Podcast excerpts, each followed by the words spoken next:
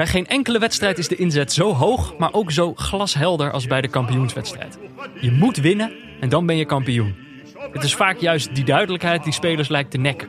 Eigenlijk zou het feit dat je de kampioenswedstrijd überhaupt speelt genoeg vertrouwen moeten geven dat je die ook kan winnen. Als je daar eenmaal staat, ga je toch twijfelen of je niet gewoon geluk hebt gehad de afgelopen 36 wedstrijden. En dit het moment is dat iedereen gaat zien dat je toch niet uit het juiste hout gesneden bent. Dat is het vervelende aan zo'n glasheldere inzet. Er kan niet aan gemorreld worden. Je moet winnen. En meteen daarop de verlammende gedachte: je mag niet verliezen. Om zoiets te weerstaan moet je misschien ook wel uit het juiste hout gesneden zijn. De echte kampioen is vaak immuun voor die twijfel. Of kan er op zijn minst mee omgaan. Falta o Flamengo. Flamengo no momento não tem nenhuma pressa, não quer bater. Todo segundo importa. Everton Ribeiro faz a distribuição. Não chega aqui na direita. João Lucas botou na grama na categoria. Gerson vai prender a bola, vai tentar ficar com a bola o Flamengo, bola recuada de longe para Hugo Souza. Klaus apita o fim do jogo. Termina a partida no Maracanã. Flamengo vira, o Flamengo vence. Edenilson fez o primeiro, Arrascaeta empatou. Gabi, o Gabigol virou o jogo. Dois para o Flamengo, um para o Internacional. Na reta final, no penúltimo jogo, o Flamengo... Ja, Jordi? Ja, Peter. Het is weer eh, korte broeken weer. Snel gaat dat dan ineens, Of, eh, of zoals jij zegt, het is nog steeds korte broeken weer. je bent eh, natuurlijk een fel pleitbezorger van de korte broek. Eh 20 graden warmer. Is hij, is hij bij jou echt al uit de kast? Ik heb hem, ik moet heel eerlijk bekennen dat.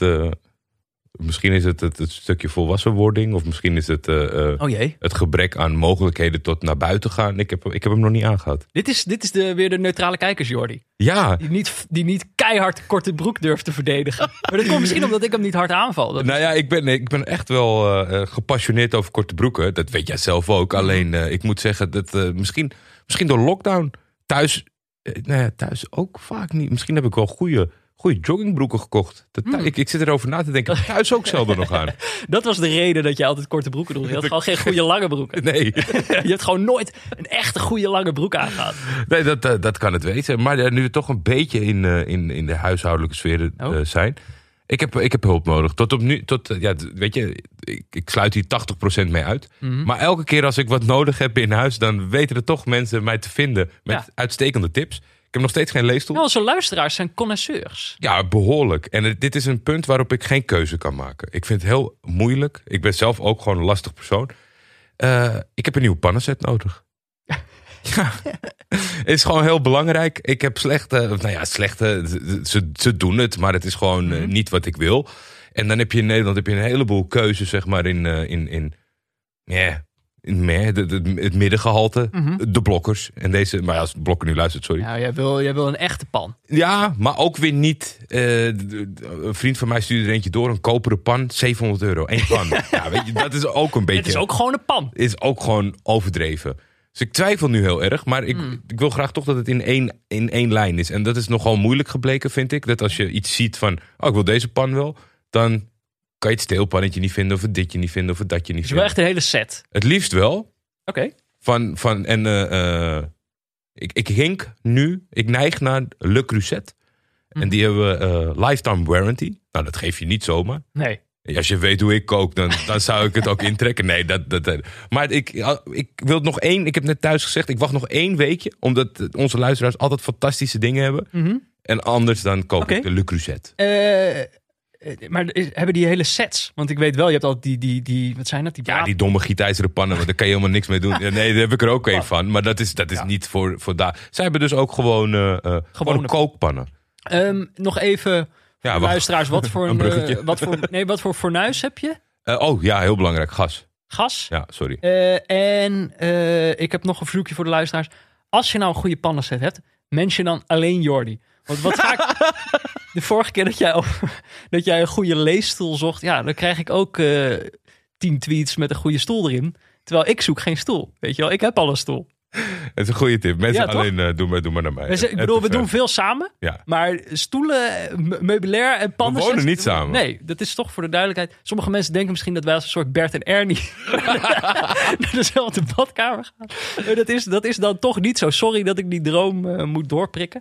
Eh, ja, van de pannen wil ik dan toch even de, toch weer naar de, naar de emoties. Ik, heb gewoon, ik word heel, eh, merk ik de laatste weken, Mhm. heel eenvoudig eh, ontroerd. Misschien is dit, zeg maar, later kunnen mensen dit podcastseizoen terugluisteren. En dan kunnen ze een beetje zo schetsen hoe mijn emoties zijn geschommeld tijdens de pandemie. Ik ben nu in de fase dat ik heel eenvoudig ontroerd word door allerlei dingen.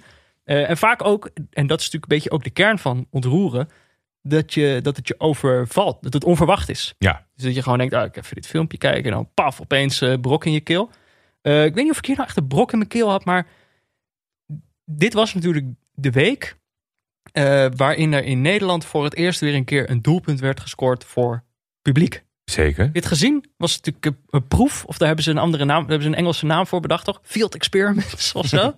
Eh, ehm, bij NEC tegen de Graafschap.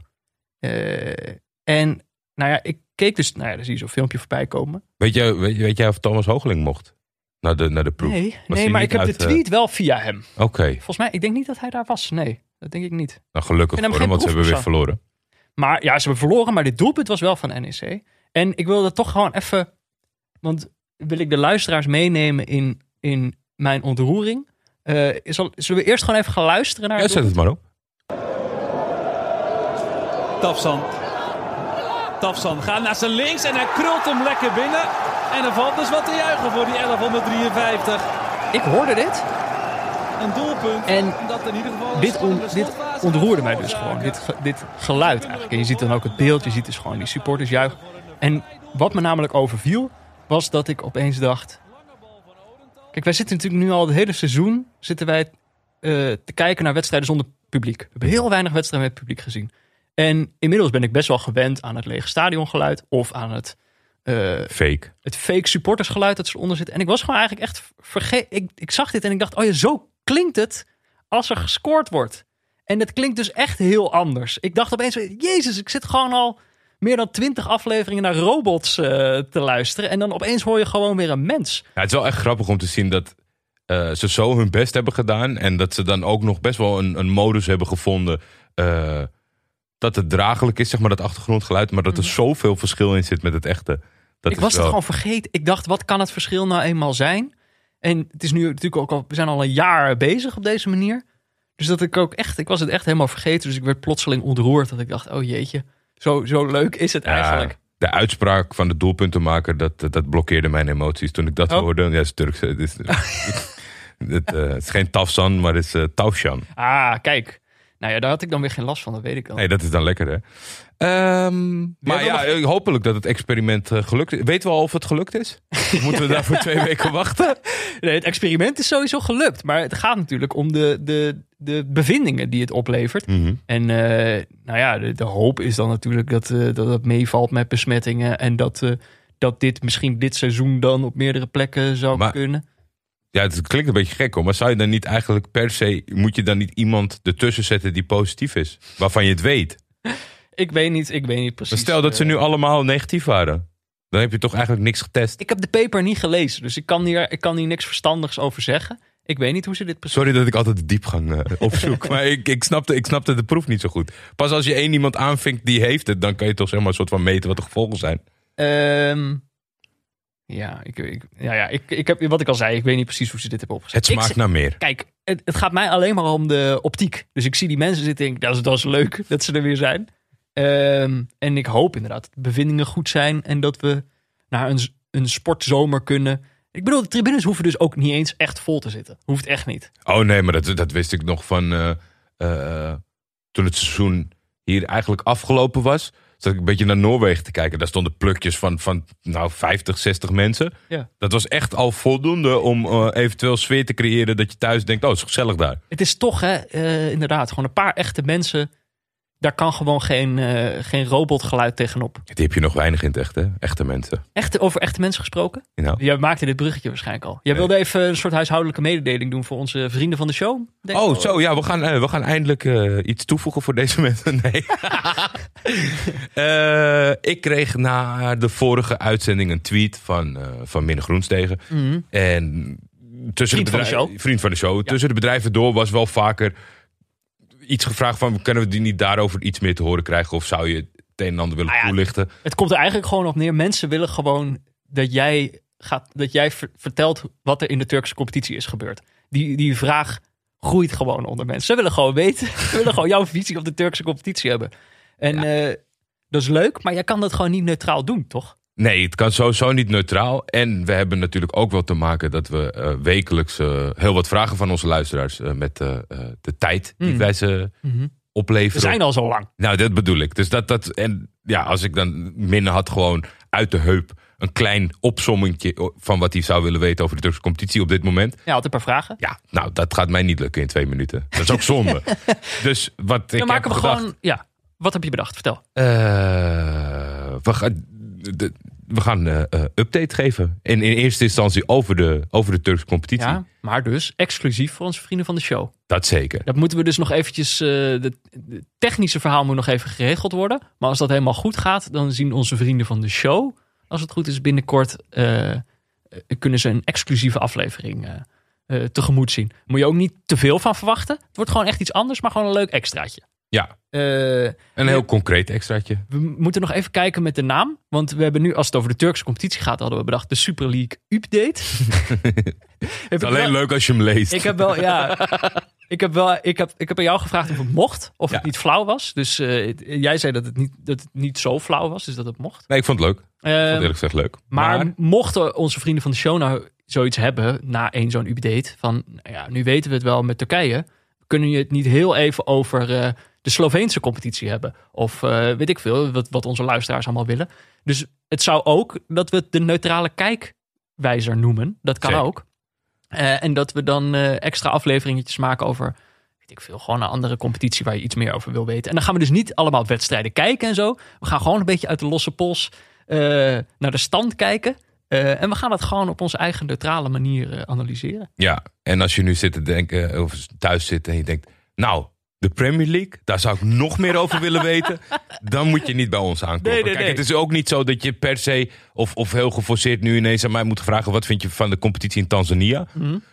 Als je een onderbouwing hebt, ik denk dat we gewoon, eh, als het eenmaal technisch staat, dat we eh, naast de namenlijst eh, de kijkwijzenlijst eh, toevoegen.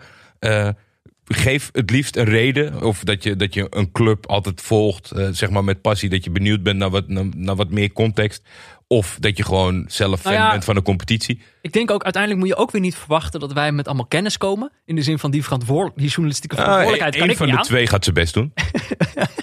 Die jo- journalistieke verantwoordelijkheid kan ik niet aan. Dus ik kan alleen beloven dat je dan een soort ondeskundige visie krijgt. Maar als je daar zin in hebt, dan kan je dat zeker aanvragen. Toch? Zeker. Om, om de be- beloftes even, of de, hoe zeg je dat, de verwachtingen even te temperen. Eh, nou ja, dus eh, dat is speciaal voor onze vrienden van de En waarschijnlijk komt daarnaast nog meer aan voor jullie. Peter en ik zijn ontzettend druk bezig. Nu zo het einde een beetje in het zicht is van het seizoen, kunnen we ineens eh, allerlei leuke dingen voor Ja. jullie verzinnen. Ja. Goed, zullen we het over de wedstrijd van deze Ja, aflevering zeker, gaan? graag. Oh, want nou ja, we, over onze vrienden van de show gesproken. We keken deze week een wedstrijd die werd aangeraden door een aantal vrienden van de show. Wouter Berghoff, Mirko en Peter van der Leun. Eh, die verwezen ons naar de titelstrijd in de Braziliaanse Serie A. Daar eh, ontving namelijk nummer 2 Flamengo thuis, koploper internationaal. Eh, er stond één punt scheiden deze twee ploegen op de, op de ranglijst. En ja, de Braziliaanse competitie die doen het allemaal op een wat, wat ander tempo dan wij. Dus die zijn al in de 37e speelronde van de 38. Eh, dus ja, we zijn daar op het moment dat de prijzen worden verdeeld. De nummer 1 tegen de nummer 2. Nummer 2. Dan zijn wij er als de kippen bij. Ja, dat was ook wel echt eh, ten opzichte van. Mensen hebben wel vaker tips naar ons toegestuurd. Bij deze hadden we echt allebei zoiets van: oké, dit is hem. Dit staat gewoon vast. Ja. Het moest nog even, het moest nog even allemaal goed op zijn plek vallen. Want eh, hij werd al getipt voordat we uiteindelijk hierbij terecht waren gekomen. Het had nog helemaal mis kunnen lopen. Dat, Het verschil had veel groter. ja, dat internationaal was uitgelopen en dat deze de rechtstreeks confrontatie geen impact meer Het had. is, eh, het is ook een beetje een, een strike of luck in de zin van dat ik bedoel, kampioenswedstrijden heb je ieder seizoen. Maar het komt natuurlijk niet zo vaak voor dat de nummer 1 tegen de nummer 2 het eh, direct tegen elkaar uitvechten. Dus dit was echt wel een, eh, een, een uniek momentje. Ehm, maar goed, Flamengo tegen Internationaal dus. Ja. Eh, nou ja, kijk, en dan moet ik heel eerlijk zijn. Wat ik net al zei. Ja, ik, ik heb hier alleen een ondeskundige visie op. Maar gelukkig zit jij dan tegenover me. Jij bent even, even de, de archieven ingedoken. Ja. Jij, hebt- jij ging een beetje Ja. uitzoeken.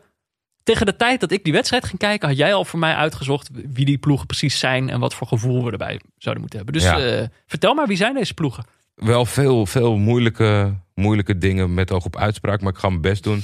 Eh, Flamengo is eh, opgericht 125 jaar geleden als Clube de Regatas do Flamengo. Ze komen uit de wijk Uitstekend. Gavea. Mhm. Eh, het regates gedeelte, dat ver- verklapt volgens mij al enigszins iets met eh, watersport eh, en dat soort zaken. Het is een roei, roeiclub. Ja, het is eh, opgericht als roeivereniging. Ik vind dat toch altijd wel. het lijkt me als rivaal lekker. Dat als je je, je, je, je aardsvijand is opgericht als roeivereniging. ik denk dat dat genoeg input is om grapjes over te maken. Maar deze club in. Dat is een beetje scheef met hoe succesvol ze zijn. Is de grootste club van Brazilië. Als je dat eh, als, als we van die proeven doen. eh, eh, volgens mij deze test. Deze proef was van vorig jaar Mhm. ruim 40 miljoen supporters. Ja. Ook de rijkste club daarmee. 163 miljoen budget Maar per jaar. niet de recordkampioen. Nee. Nee, en ook, dan moet ik wel zeggen dat, dat de Braziliaanse competitie heeft wat weg van, van Frankrijk. Dat er niet zeg maar een, iemand is met, met 20 titels en zo. Het- is gewoon moeilijk om het, eh eh, Er is om niet het, om één recordmeister eigenlijk. Nee, in ieder geval niet één iemand op dit moment die niet in te halen is. Het verschil is volgens mij eh, drie of vier max. Maar eh, het, het is er zes keer gelukt. In 2019 de laatste. Dat was wel gelijk een megajaar voor eh, de club. Want toen werd ook de Copa Libertadores gewonnen. De trainer is een Ja, bekende. dat is een bekende naam. is ik denk tenminste iedereen van onze generatie die weet dan meteen. eh, Zijn, zijn, middel, zijn middelname wist ik niet. Ben ik altijd wel gek voor. Maar eh, Rogerio Ceni. ja, wat is de De middelste naam dan? Muke. Muke. Muke. Rogerio Muke Cheney. Maar, Maar ik heb gisteren geleerd dat een heleboel dingen. eh, waarvan ik denk dat dat op papier staat, dat je dat heel anders uitspreekt. ja, dat kom is ik later eigen aan het. Portugees. Ja. Maar eh, eh, ja, de, de doelpuntenmachine tussen de palen, dat was natuurlijk eh, de. de eh, Score, enige, de meest scorende keeper ter wereld. Ik weet niet of dat echt zo is, maar dat is het gevoel dat je ermee hebt. Hij nam de vrije trappen toch? Bij, ja, ook wel geregeld. Ja, je hebt natuurlijk wel nog een paar die dat konden. Campos was zo'n keeper van Mexico die dan wel eens in de Oh ja. spits opdook in de, in de slotfase. En eh Sheila Ver natuurlijk. De, maar deze man die heeft tientallen goals gemaakt. kon het het beste van iedereen. Hans-Jurk Boet. Oh Die ja. nam altijd penalties van Ja, maar penalties, dan denk ik, ja, dat gebeurt nog wel eens. Dat kan ik ook. Maar deze, nam ook, deze zag je ook gewoon wel eens een vrije trap maken. Ja, en dus die hebt dus, dus ja, ja, het is Nu dus trainer. niet, niet helemaal, maar bijna perfecte one club man. Altijd eh eh gekiept bij Sao Paulo. Eh, trainer geworden. Nou ja, als je dan 6000 wedstrijden voor één club hebt gespeeld, is het heel logisch dat ze je ook aanstellen als trainer. Want je zal het wel kunnen. Ja, En je bent nou eenmaal een clubman. ja. Dat, dat, dat ging niet helemaal lekker. eh, zoals dat wel vaker uitpakt. Maar toen kwam er een kleine club Fortaleza uit de Serie B. En daar werd eh, toch ineens zichtbaar dat deze trainer iets kan. Hij werd kampioen met die club. ging ontzettend goed in zijn debuutjaar. Waar ik niet helemaal ben ingedoken. Midden in dat tweede seizoen bij Fortaleza. Gaat hij zeven wedstrijden naar Cruzeiro. Komt hij weer terug. En eindigt hij negende met Fortaleza. Ja, dit is sowieso. Ik, vaak als je naar andere competities kijkt, dan kom je ook weer andere ge- gebruiken tegen. Bijvoorbeeld in sommige competities is het veel gebruikelijker dat, dat clubs heel veel spelers aan elkaar uitlenen. Dus dat Mhm. daar heel veel, veel meer roulatie in zit dan wij gewend zijn in Nederland bijvoorbeeld. Ja. Maar ook qua trainers zijn er andere gebruiken in andere competities. ja, er moet gewoon een verhaal in zitten. Maar eh, ja, Want weet je. Mirko had ook een, een, een draadje tweets naar ons, ons gestuurd met Ja. wat achtergrondinformatie. Dus een van de jongens die deze wedstrijd aan ons aanraden. Eh, zeg maar ook, ze zijn allebei, dus ook de trainer van Internationaal, waar jij straks nog even op terugkomt als het goed is. Ze zijn ook allebei trainer geweest van dezelfde club, zeg maar. Dus zij, en ook allebei heel kort. Dus er is daar wel, denk ik, misschien iets, iets, iets anders nog aan de hand. Maar, Ja, het is wat, het, het, is wat eh, gemakkelijker om, om over te stappen. En waarschijnlijk eh, zijn de dienstverbanden soms ook korter. Eh, laat het niet, geen mis- misverstand over ontstaan. Dat Zeni is niet de architect van dit seizoen. Want op de 21ste spe- speeldag is hij pas ingestapt. Ja. Daarvoor was de Spanjaard Dominic Torrent. Die had het overgenomen van de welbekende Jorge Jesus. Mhm. Die ook al die prijzen met ze had gewonnen. Eh, die was ontslagen en toen is Sandy erin gestapt. En die moet nu de klus klaren vanuit een, eh, een, een, een lastige positie, lijkt het. Eh, veel bekende namen aan Ja, de kant van Ook voor Flamengo. mij, voor mij als leek. Felipe Luis natuurlijk, Mhm. linksback. Diego Ribas stond gewoon in de basis met zijn 35 jaar.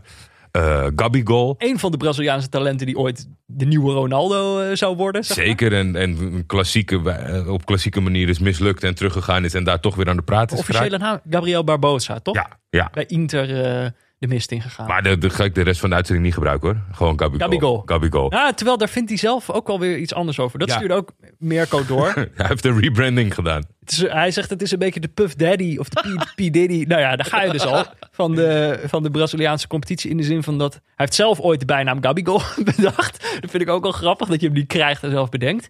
Ehm, en dat hij nu ook al zegt, ja, dat is, de goal moet eraf. Dat ben ik niet meer. Gabi ben ik nu. Ja. Maar goed, of die goal komt, daar hebben we het straks nog over. Maar ook, eh, hoe heet het? Mauricio Isla is dan gek genoeg ook nog een bekende naam voor mij. Die heeft toch in, wat was het, Udinese of zo? Ja, ja zeker. En recent in Turkije gevoetbald. Eh, eh, hij is Oh. overgekomen van Venner.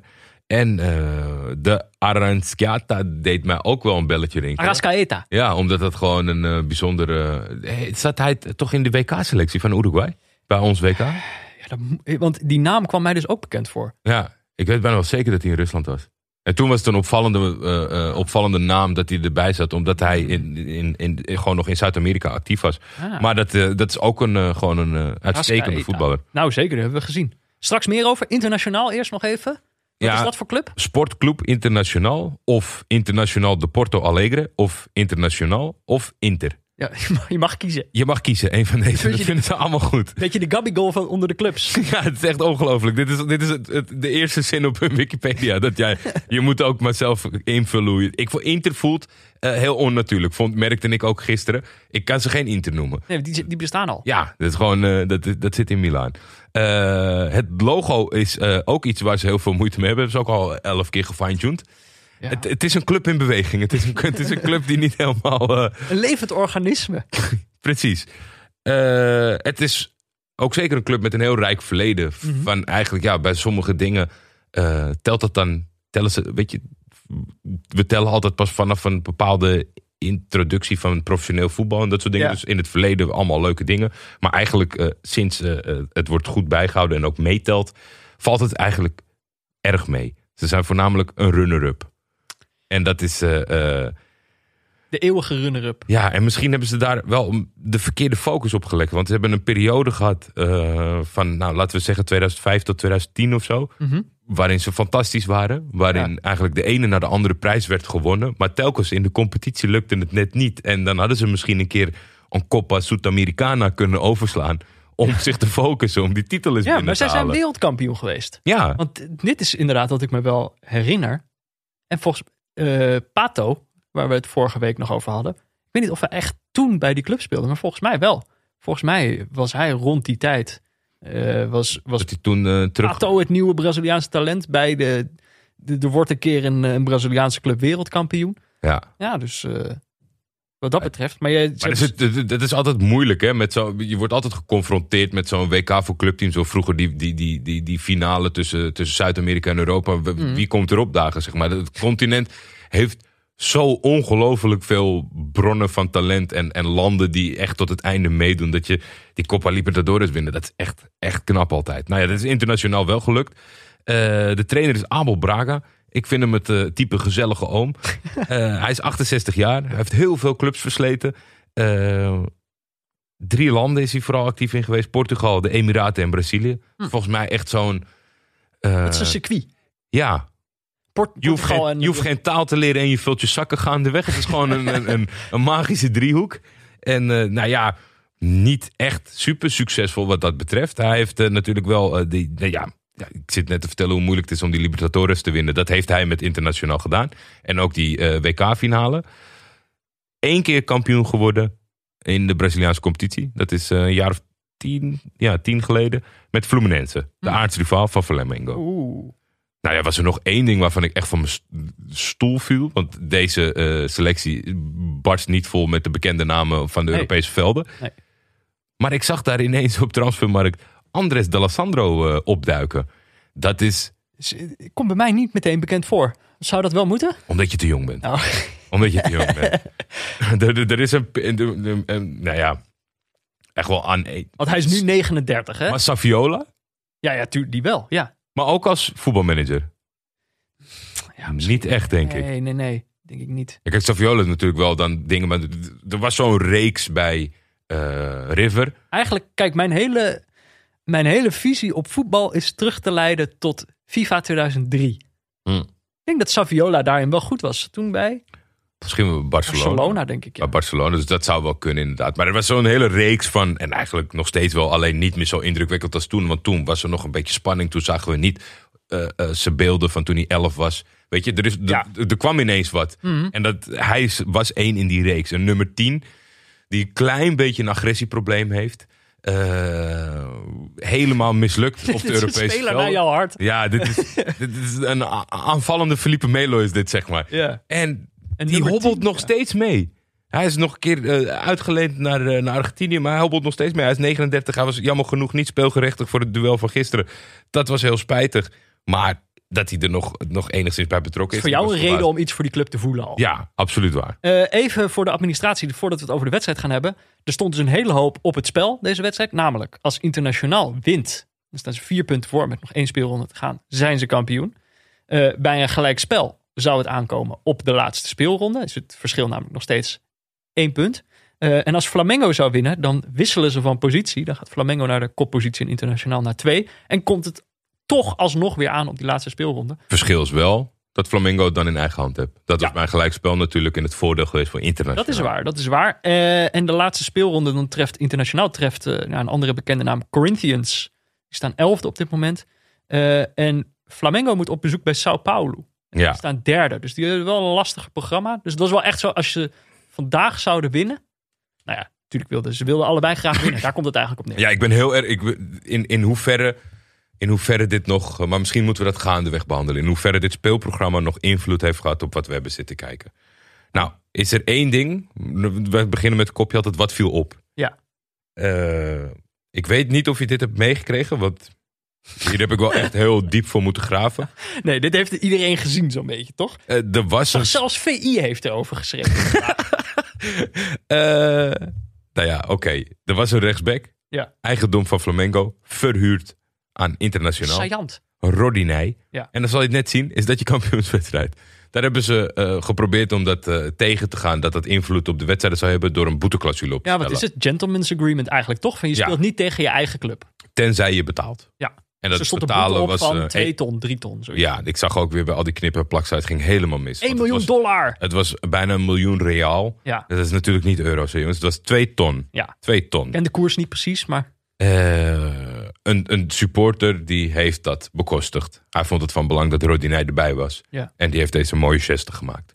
zeg maar, maar ik denk dat dat helemaal niet uitmaakt. Toch? Rodinei trouwens, eh, wel basisspeler in de rest van de Mhm. competitie. Dus wel logisch dat je hem er graag bij wil hebben. Maar ik bedoel, als, je, als, als het je lukt om kampioen te worden... eh, dan krijg je toch zo'n grote premie dat twee ton... ik bedoel, dat trek, dat trek je er gewoon vanaf. Het is gewoon een aftrekpost. Terwijl... eh, ja, dus het, maar ik denk dat ze hem anders misschien ook wel hadden opgesteld. Het is niet alsof deze fan ervoor gezorgd heeft dat, zij, dat zo'n club denkt: oh, nou dan kunnen we die twee ton wel. Nou, ik wil heel ver met je meegaan. Mhm. Maar het, het, het schijnt toch wel in de, in de gangen dat het niet zo goed gaat met deze club. Internationaal? Ja. Ze hadden dit echt nodig. Nou, dat kan ik hier nu niet zeggen, want Nee. dan wordt zometeen de, de advocaat van de club eh, die, die komt mij halen. Maar het, het- de, de club staat er financieel slecht voor. Dus. Ik vind clubs altijd eh, valse motieven hebben en, en, en, en op een nare manier misbruik maken van eh, de emotionele band naar de supporters toe. Ja. Maar ik snap dat ze dit nu hebben ingezet als middel om hem te bekostigen. Oké. Eh, nou ja, dit, dit is even, dit, dit opgegraven feitje toch nog even voor onze Ik luisteraars. wilde dit de mensen niet onthouden. Ik- Nee, dit, precies. Anders dan hoor je het kan nog wel viraal gaan. precies. Ehm, de wedstrijd zelf, die eerste vij- vijf minu 15 minuten. Ik bedoel, er staat veel op het spel. Eh, maar goed, dat staat het in, in wel meer wedstrijden. En dan wordt er gewoon nog fatsoenlijk gevoetbald. Hier kon je, de zenuwen spatten er vanaf. Ja. Toch? Er er werd gewoon geen bal goed geraakt. Ja, dat was wel bijzonder, want het eigenlijk voordat er een bal rolde, was dit al gaande. Ik schrijf op van eh, Brazilië's emotie, maar dan laten we zeggen een soort van niet, eh, niet Turkse emotie, maar vrolijke emotie. Weet je, zon, zee, strand, leuke mensen. Vrienden. Ja. Ja. Maar i- Joga Bonito. in het, in het paniekerige van het hele gebeuren heb ik echt materiaalman met president alles en iedereen van twee ploegen met elkaar zien knuffelen en omhelzen. Ja. En daar zag je ook een bepaalde spanning. Want weet je, het was wel goed bedoeld van ja, succes. Ja, jij ook. Ja, iedereen probeert gewoon zijn eigen stress eruit te, te, te praten.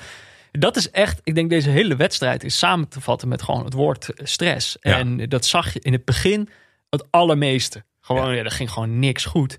En toen maakte ik me heel even zorgen. Toen dacht ik, ja, dit wordt, wordt gewoon eh, waardeloos, eh, waardeloos voetbal. Ja, Gewoon alleen maar dit, stressen. Dit, dit, dit eh, ontloopt de, de kraker in de Zweedse degradatiestrijd. gaat, dit, gaat niet bij. Maar dat is het ook gewoon. Weet je, je zit er naar te kijken. Brazilië is niet voor niets hofleverancier over de gehele wereld van voetballers.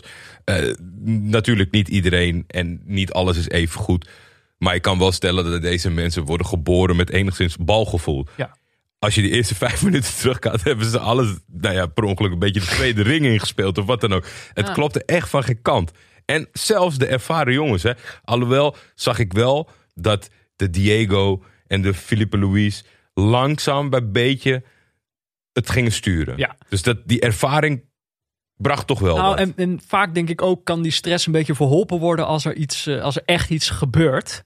Dus als er iets verandert, dan kan je opeens even wakker geschud worden. En dat was eigenlijk in de negende minuut was het al raak. Dat heeft ons in ieder geval heel erg geholpen. Was het namelijk meteen al een penalty voor Internationaal. Ja. Eh, ja, was het er eentje? Er was VAR. Hij heeft hem niet gecorrigeerd. Was wel een beetje een VAR penalty. Niet dat de VAR... De scheids gaf hem gewoon overtuigend. ik, ehm, ik, ik vind, ja, ik vind Het was het heel licht getoucheerd. Wat gebeurde er nou eigenlijk? Werd, werd even vastgehouden, toch? Ja, er kwam een strakke voorzet vanaf de zijkant. En die spits wil voor de verdediger duiken. En nou, ergens, ergens gaandeweg zit er een hand op zijn zij. Die hem een beetje trekt. Ja. ik, wat ik zeg, ik, de scheidsrechter was niet bang. Was zo- zo'n imposant voorkomen. Sportschool, sportschool, sportschooljongen. Op leeftijd. Eh, ja, ik, ik, vond, ik vond wel ballen aan de ene kant. Kijk, als je het ziet en je vindt het zo. Een negende minuut in deze wedstrijd geeft hij een penalty. Ga er maar aan staan. Ik moet wel zeggen dat... eh, ik had veel meer drama verwacht. Dus misschien dat wij wel gewoon het, het, het soort van lichte overtreding vonden. Ik vond niet dat Flamengo ontplofte niet. Ze zijn wel even bij hem gekomen staan, maar daar was ook alles mee, eh, alles mee gezegd wel. Ja, de 31-jarige Ede Nielsen die gaat eh, achter de bal eh, staan. Toch een ervaren jongen die zegt: Ik doe het wel. Vond het wel grappig tegen na Ajax, Lille, Lille Ajax. Ging die foto rond dat Alvarez niet durfde te kijken naar die penalty.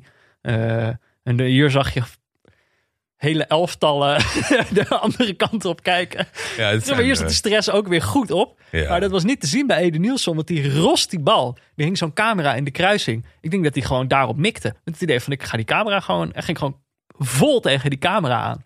Het is prachtig, want je hebt tien minuten gezien. Nou, mensen die volledig verkrampt zijn. Ja. En deze gewoon schiet hem zo keihard stijf in het kruis. Ja. Dus dat was, eh, dat was goed. En ik denk ook, eh, ik ben altijd een beetje voorzichtig daarmee tegenwoordig in het hardop uitspreken. Maar ik dacht meteen, goed voor ons. Want eh, ja, Flamingo, nu moet je. Ja, ja, precies. Want op dit moment is eh, internationaal natuurlijk virtueel kampioen. En vecht, moet Flamengo echt vechten voor die laatste kans. Goed, daar hebben ze dan ook nog wel 80, ruim 80 minuten voor. Maar precies, voor ons was dit, eh, was dit lekker. Ede Nielsen trouwens, Ja, dit is bij dan toch bij iedere speler die je even ziet, denk je toch, eh, heeft hij het ook even geprobeerd in Europa? En dat was bij Ede Nielsen wel het geval. Die had in eh, Italië gespeeld. 78 wedstrijden in de Serie A. Tussen 2014 en 2017. Niet eens zo lang geleden.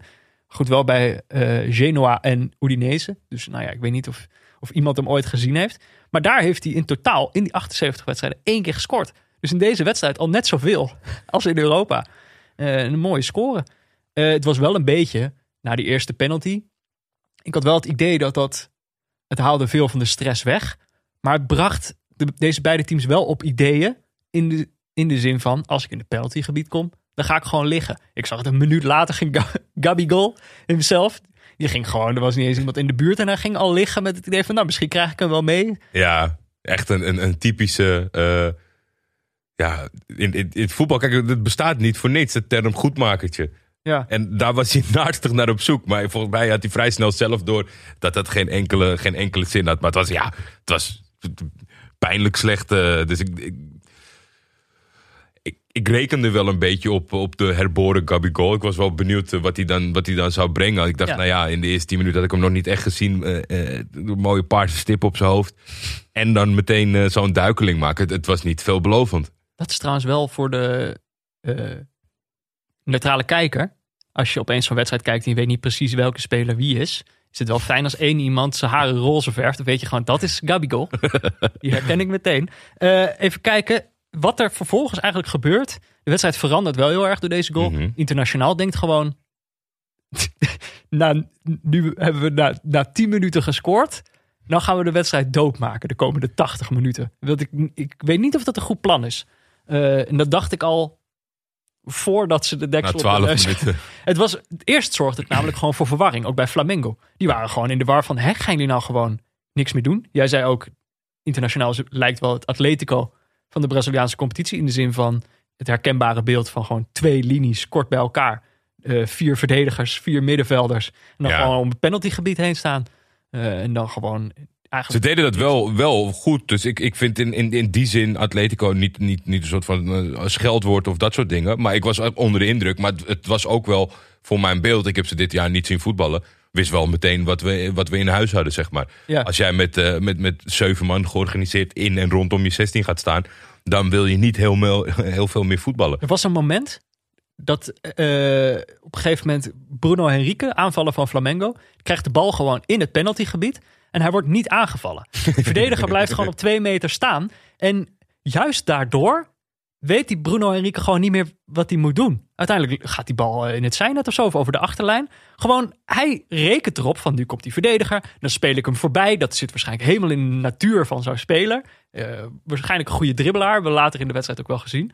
Eh, gewoon die verwarring. Dat je, Goeie de tactiek. beste verdediging is gewoon niks doen Gewoon soms. kijken naar hem. Ga je doen. Tenminste, één minuut later heb je een vergelijkbare situatie. Bruno Henrique op dezelfde positie. En dan komt de speler wel. En eh, dan speelt hij hem voorbij. Haalt hij de achterlijn. Trekt hij de bal terug. En daar is hij dan, onze vriend Arascaeta. Eh en nou ja, hier vond- zie je wel het, eh, het talent van zo'n speler. Ja, ik vond dat zo knap. Want, want die, die actie is, is fenomenaal. Maar hij komt net aan uit richting de achterlijn. Dus hij moet hem echt als een vuurpijl legt hij hem terug op die goal. En paf, in één keer schiet Ja. hij hem in de verre hoek. Dat is, dat is zo knap qua balbeheersing. Ik vond het echt een ja. prachtige goal. Maar sowieso die Arascaeta, elke keer als hij de bal had, viel gewoon wel op dat, dat hij...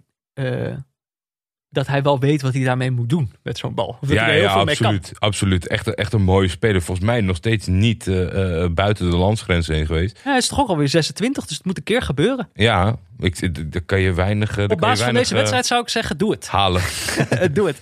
Ehm, nou ja, kijk, en da- dan staat het dus 1-1. En al, al vrij snel, zeg maar. En dan, ik had een beetje toen het gevoel...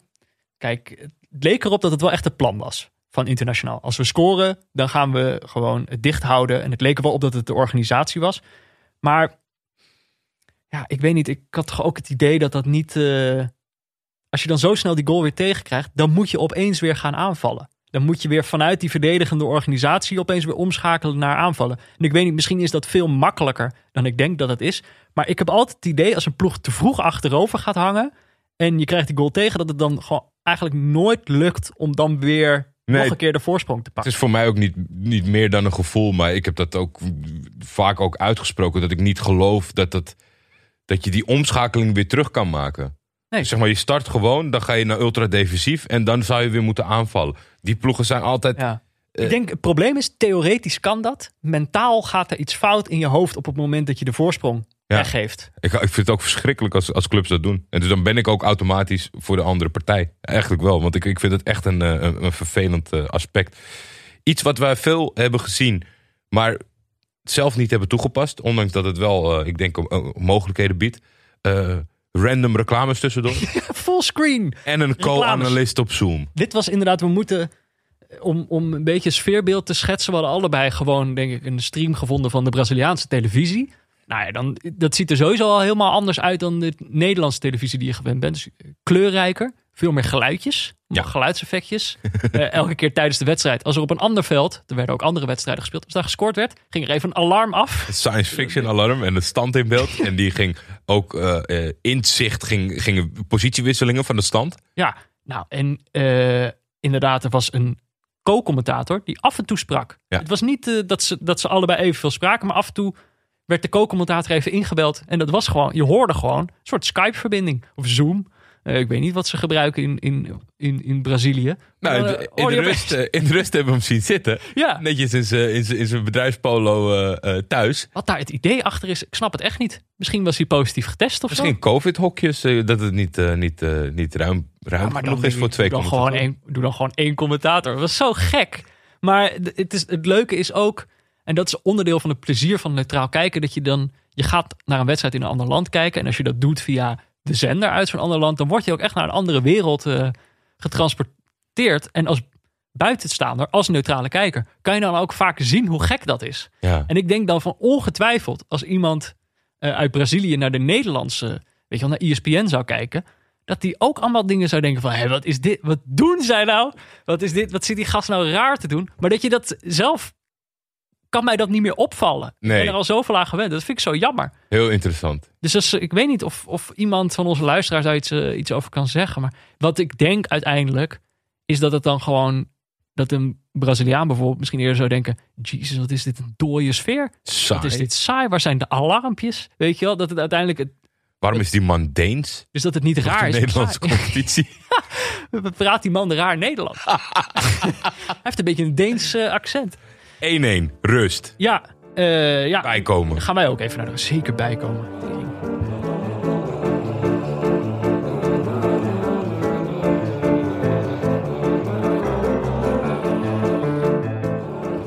Ja, want deze aflevering van Neutrale Kijkers wordt natuurlijk weer mede mogelijk gemaakt door Auto.nl. Op de website van Auto.nl garanderen ze nooit meer een miskoop. Nou ja, de transfermarkt is gesloten. Ja, sommige plekken nog open. Rusland nog een beetje, geloof ik. Er Zuid-Amerika. kunnen natuurlijk nog steeds transfervrije spelers binnengehaald worden. Op een gek, gekke manier. Dat, dat, zeg maar in de fase waarin we dit nu bespreken, dat ik zie dat er in, Brazilië gewoon transfers plaatsvinden. Kan ik totaal niet plaatsen tijdens de competitie, tijdens de competitie De spits, de spits van, de, van je rivaal eh, wegkopen. Ja, het kan, maar ehm, er gebeurt niet zoveel.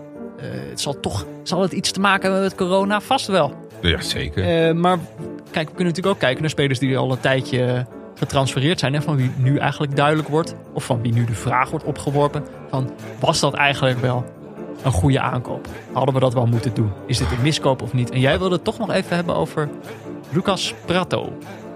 Nou ja, ik denk eh, als we een beetje om ons heen moeten kijken. Spits van Feyenoord trouwens. Mensen weten het misschien niet. Nou ja, het schijnt. eh, eh, heel veel indruk gemaakt al voor onze eerste wedstrijd. Omdat hij een, een, hele grappige bijnaam had in de Beer. De beer, ja. En dat eh, had uiteindelijk toch wel iets te maken met zijn lichaamsbouw, Ja. toch? Niet met zijn, En zijn beharing, niet met zijn, lichaamsbeharing. niet met zijn roofinstinct bijvoorbeeld. Of zijn... Nee.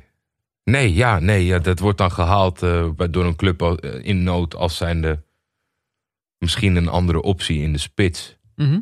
Maar, Ja, het kijk, de, we levert helemaal niks op. sinds vorige week hebben we de, de vraag weer geïntroduceerd of iets toppie, of een transfer toppie of floppy was. Ja, ik heb nu Lucas al een Prato, beetje zeg het weggegeven. ja, ik zeg floppy. En ik zeg dan ook, weet je, hoe moeilijk is die mindset van Auto.nl nou te verplaatsen naar de voetballerij? Ik begrijp het niet. Zij garanderen geen miskopen. En ik snap dat zolang het Mhm. mensenwerk is, dat er wel eens wat tussendoor kan glippen. Alleen, zij hebben toch gewoon een checklist, ervaring, eh, eh, kennis van zaken, van het, van het artikel dat ze willen gaan verkopen. Dus die auto komt beschikbaar, dan gaan ze beoordelen. Ja, En dan kunnen we dit eh, onze klanten wel aandoen? En dat, dat is blijkbaar gewoon te veel gevraagd. En wat, je, wat dan helemaal sneu is van zeg maar, clubs met weinig middelen, Mhm. is dat ze steeds slechtere beslissingen gaan nemen en er dus eigenlijk niet meer uitkomen. Ja, dit is, ik denk wel dat wat hij laat zien bij Feyenoord. Ik zag nu weer een tweet voorbij komen van Feyenoord Transfermarkt. Die natuurlijk altijd eh, de, de heetste roddels heeft over de nieuwe transfers die, eh, die Feyenoord weer gaat doen. Dat Feyenoord zich de komende zomer gaat roeren. En dan noemde hij een soort segment. Ik zag daar weer een paar woorden staan die nieuw voor mij waren. Maar toch wel een beetje in het lage segment gaan ze zich flink roeren, werd er gezegd. Ja, Eh, en het, maar en dan het denk ik- huren en eh, het transfervrije en, en die Ja. categorie. Eh, maar dat is zeg maar, eh, je kunt aan Lucas Prato kan je een beetje de anatomie van een miskoop zien. Ja. En een gokje nemen. Dan gaat het toch vaak eh, fout. En dat is toch het segment waarin ze zich uiteindelijk gaan roeren, lees ik dan. Dus er zijn heel veel potentiële bommen op de weg. Ja. En zij gaan daar gewoon breed overheen rijden. ik bedoel, uiteindelijk, het is, het is heel erg begrijpelijk dat een, een club als Feyenoord het op die manier moet doen. Want ze vragen ook een loonoffer aan hun spelers op dit moment. Ja. Eh, dus ja, in deze tijd is er natuurlijk ook niet veel geld. Maar dan krijg je dus die situaties waarin spelers of waarin clubs gaan gokken. En kijk, dat moet je dus niet doen. Je moet gewoon niet gokken. Als je geen miskoop wil, dan moet je gewoon naar auto.nl gaan. Eh, en ga dan naar auto.nl slash neutrale kijkers. Dus altijd toppie. Dat is het eigenlijk, hè?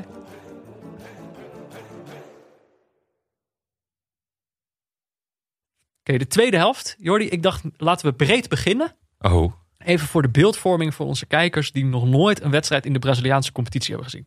Want ik denk, als je, bent, eh, als je ongeveer even oud bent als ik, je bent opgegroeid in de tijd waarin eh, de Nike-reclames van Joga Bonito naar buiten kwamen, waarin natuurlijk altijd de pret van het Braziliaanse elftal, die muziek maken in de spelersbus, die eh, lekker aan het klooien zijn met een bal in de kleedkamer, dat je een soort vervormd beeld kan hebben van de Braziliaanse competitie. Dat je kan denken, oh daar is het, die hele competitie is Joga Bonito. De vreugde van het spel. Eén Trucjes, feest. elke balcontact een trucje. Gaat Ja. iemand op de bal staan, ik ben, iemand legt hem in zijn nek. ik ben hier al vrij, vrij vroeg achter gekomen. Ik had dat beeld ook. En ik denk ook met dat beeld in, in, in achterhoofd heeft eh, in het verleden Canal Plus, volgens mij was dat nog, eh, de rechten gekocht van Brazilië. En toen zag je de reclames voorbij schieten. En eh, deze nacht, en ik was nogal een nachtbraker, Sao Paulo tegen Grêmio. En dacht ik, wauw. En dan ging ik zitten en toen dacht ik, oh, dit is goed voor dit tijdstip, want ik, ik kan eindelijk slapen. Nee, het is, eh, het, het is wel Jogo Bonita, maar niet de hele tijd. Dat is, lijkt me ook wel vrij logisch. Ik denk dat er geen competitie stand kan houden als iedereen de hele tijd eh, eh, een bal in zijn nek legt. Maar het uit zich ook een beetje op een vervelende manier. En dat hebben wij dan in deze wedstrijd niet gezien. Maar wat je wel een beetje kon zien toen we Palmeiras zagen op het WK voor eh, clubs een paar weken geleden. Dat wat het gevolg dat het misschien wel heeft. die hele, dat hele idee van Joga Bonito is dat het verdedigen soms een beetje ondergewaardeerd is. Ja, en, Dat het maar- toch gewoon gaat om het aanvallen. En ergens heb ik gisteren daar stiekem wel van weer zitten smikkelen. Dat deze, deze mensen, die willen gewoon aanvallen. En dat, dat is gewoon het enige eigenlijk waar ze plezier uithalen. En, en de rest is allemaal een beetje moedje. Kijk, er zitten wel verdedigers tussen die gewoon... eh, eh, eh, ja, een beetje als, als, als vak of als werk benaderen. Maar je proeft toch de hele tijd dat, dat, dat speelsige. En ook, ik, ik vind het moeilijk om, om dan niet, niet zo iets gigantisch te generaliseren of wat dan ook. Ik, ik kan me niet onttrekken aan het idee van, het is daar prachtig weer. Het is daar, eh, eh, weet je, het is, het is een, een, een danserig, zingerig, gezellig volk. Dat zij niet zo de essentie hebben of de noodzaak hebben om er keihard op te vliegen, zeg maar. Ik denk dat dat een, een groot contrast is, zeg maar, ook met de Argentijnse competitie. Ja. Waar ze dat, waar ze dat heel erg hebben. Maar dat ze een soort van Grinta elf- hoor je vaak dan, hè? Dat elf, woord. ja, maar elf slagers. Maar die zijn een soort van hun missie op dat veld is om, om die anderen te vermoorden. En Ja. die, zij, gewoon, zij vinden het gewoon leuk om te voetballen. Ik denk wel voor, voor een groot deel zijn dat natuurlijk clichés die dan vooral, vooral ook weer eh, op heel veel vlakken niet lijken te kloppen. Maar ik denk wel, eh, kijk bijvoorbeeld in, eh, dat in Nederland het idee is dat je, dat je maar normaal moet doen. Toch? Dat is Ja. toch een beetje wat, onze, wat de grootste politicus van Nederland, dat is toch wel een beetje zijn visie is normaal doen. Eh, dat, bedoel, is het dan toevallig dat wij heel veel, heel veel goede verdedigers opleiden? Misschien niet. Ik weet het niet, zeg maar. Maar, ik kan me, ook- zeg maar wat ik denk is, het zijn clichés. Maar die clichés hebben ook weer, hebben toch, denk ik, werkelijke gevolgen. Ja, zeker. Hoe een voetballand zichzelf cultiveert. De dingen die je belangrijk vindt. Maar ik mis gewoon, ik heb het, het- weet je, dus nu voor het eerst dan dat je er iets langer over, over bent gaan nadenken. En met alles wat je ziet, dan is het voornamelijk die, die ik, ik weet niet zo goed hoe je het moet, maar ik denk toch wel, de noodzaak lijkt een beetje afwezig. Ik vind ook dat op het moment, deze ploegen waren heel Braziliaans. Weinige eh, andere nationaliteiten. Volgens Ja. mij had Flamengo er twee en die andere één. Het, is best wel, het lijkt me best wel pittig als trainer om elf van die Brazilianen eh, de noodzaak van vandaag uit te leggen. Ja. Zullen we even naar een dan gaan we nu over naar, denk ik, meteen toch de tweede helft. Want daar was het eigenlijk gelijk raak. En het was niet echt, het was geen fragment dat je zou terugzien in de Joga Bonito reclame. Het is namelijk gewoon, de eerste helft begint met eh, een rode kaart. Ja. Eh, dan de... Van? Wie, wie denk je? Ja, wat denk je? Zou dit die- viraal gaan of niet? Oké, Misschien is die boete wel betaald door een supporter van Flamengo. maar we kunnen daar cynisch over doen. Maar uiteindelijk is het natuurlijk wel... eh, Verschrikkelijk. Nou, nee, is het, wel, is het gewoon wel echt heel fascinerend en eigenlijk ook fantastisch dat dit gebeurt. In de zin van, je hebt die Rodinei. Die is eigenlijk van Flamengo. Die wordt uitgeleend aan Internationaal. Eh, kan eigenlijk niet spelen tegen Flamengo omdat het in zijn contract staat. Er staat een boete op. Iemand betaalt die boete. En uiteindelijk is het die Rodinei die aan het begin van de tweede helft een rode kaart krijgt. eh, waardoor zijn ploeg, of dus eigenlijk niet zijn ploeg, eh, met tien man komt te staan. Ja, Dat- daar zit toch daar zit zoveel in. Ik Maar- snap ook wel dat het viraal gaat eigenlijk. Ja, tuurlijk. Nee, maar dat is, dat is ook wel zo. Het is ook gewoon... Hoe moet je hier nou mee omgaan? Omdat eh, De Vrij heeft in dezelfde situatie gezeten. Ging van Lazio naar Inter. Moest op de laatste speeldag volgens mij een rechtstreeks duel om een Champions League plek. Ja. Weet je wat het is? Deze jongen had het nooit goed kunnen doen. Misschien moet je wel verder gaan dan dat je, dat je Die zegt... man had die boete nooit moeten Nee, maar betalen. het, is, het, je, moest- het wordt omgedraaid alsof het eh, netjes is, die gentleman's agreement. Maar het, het zou misschien wel bescherming voor de speler in kwestie moeten worden. Dat je gewoon die wedstrijd niet meedoet. Ja. Want je kan het niet goed doen. Of je krijgt gezeik van dat je je, je broodheren omver eh, Mhm. eh, speelt. Of ga dit nu maar eens uitleggen.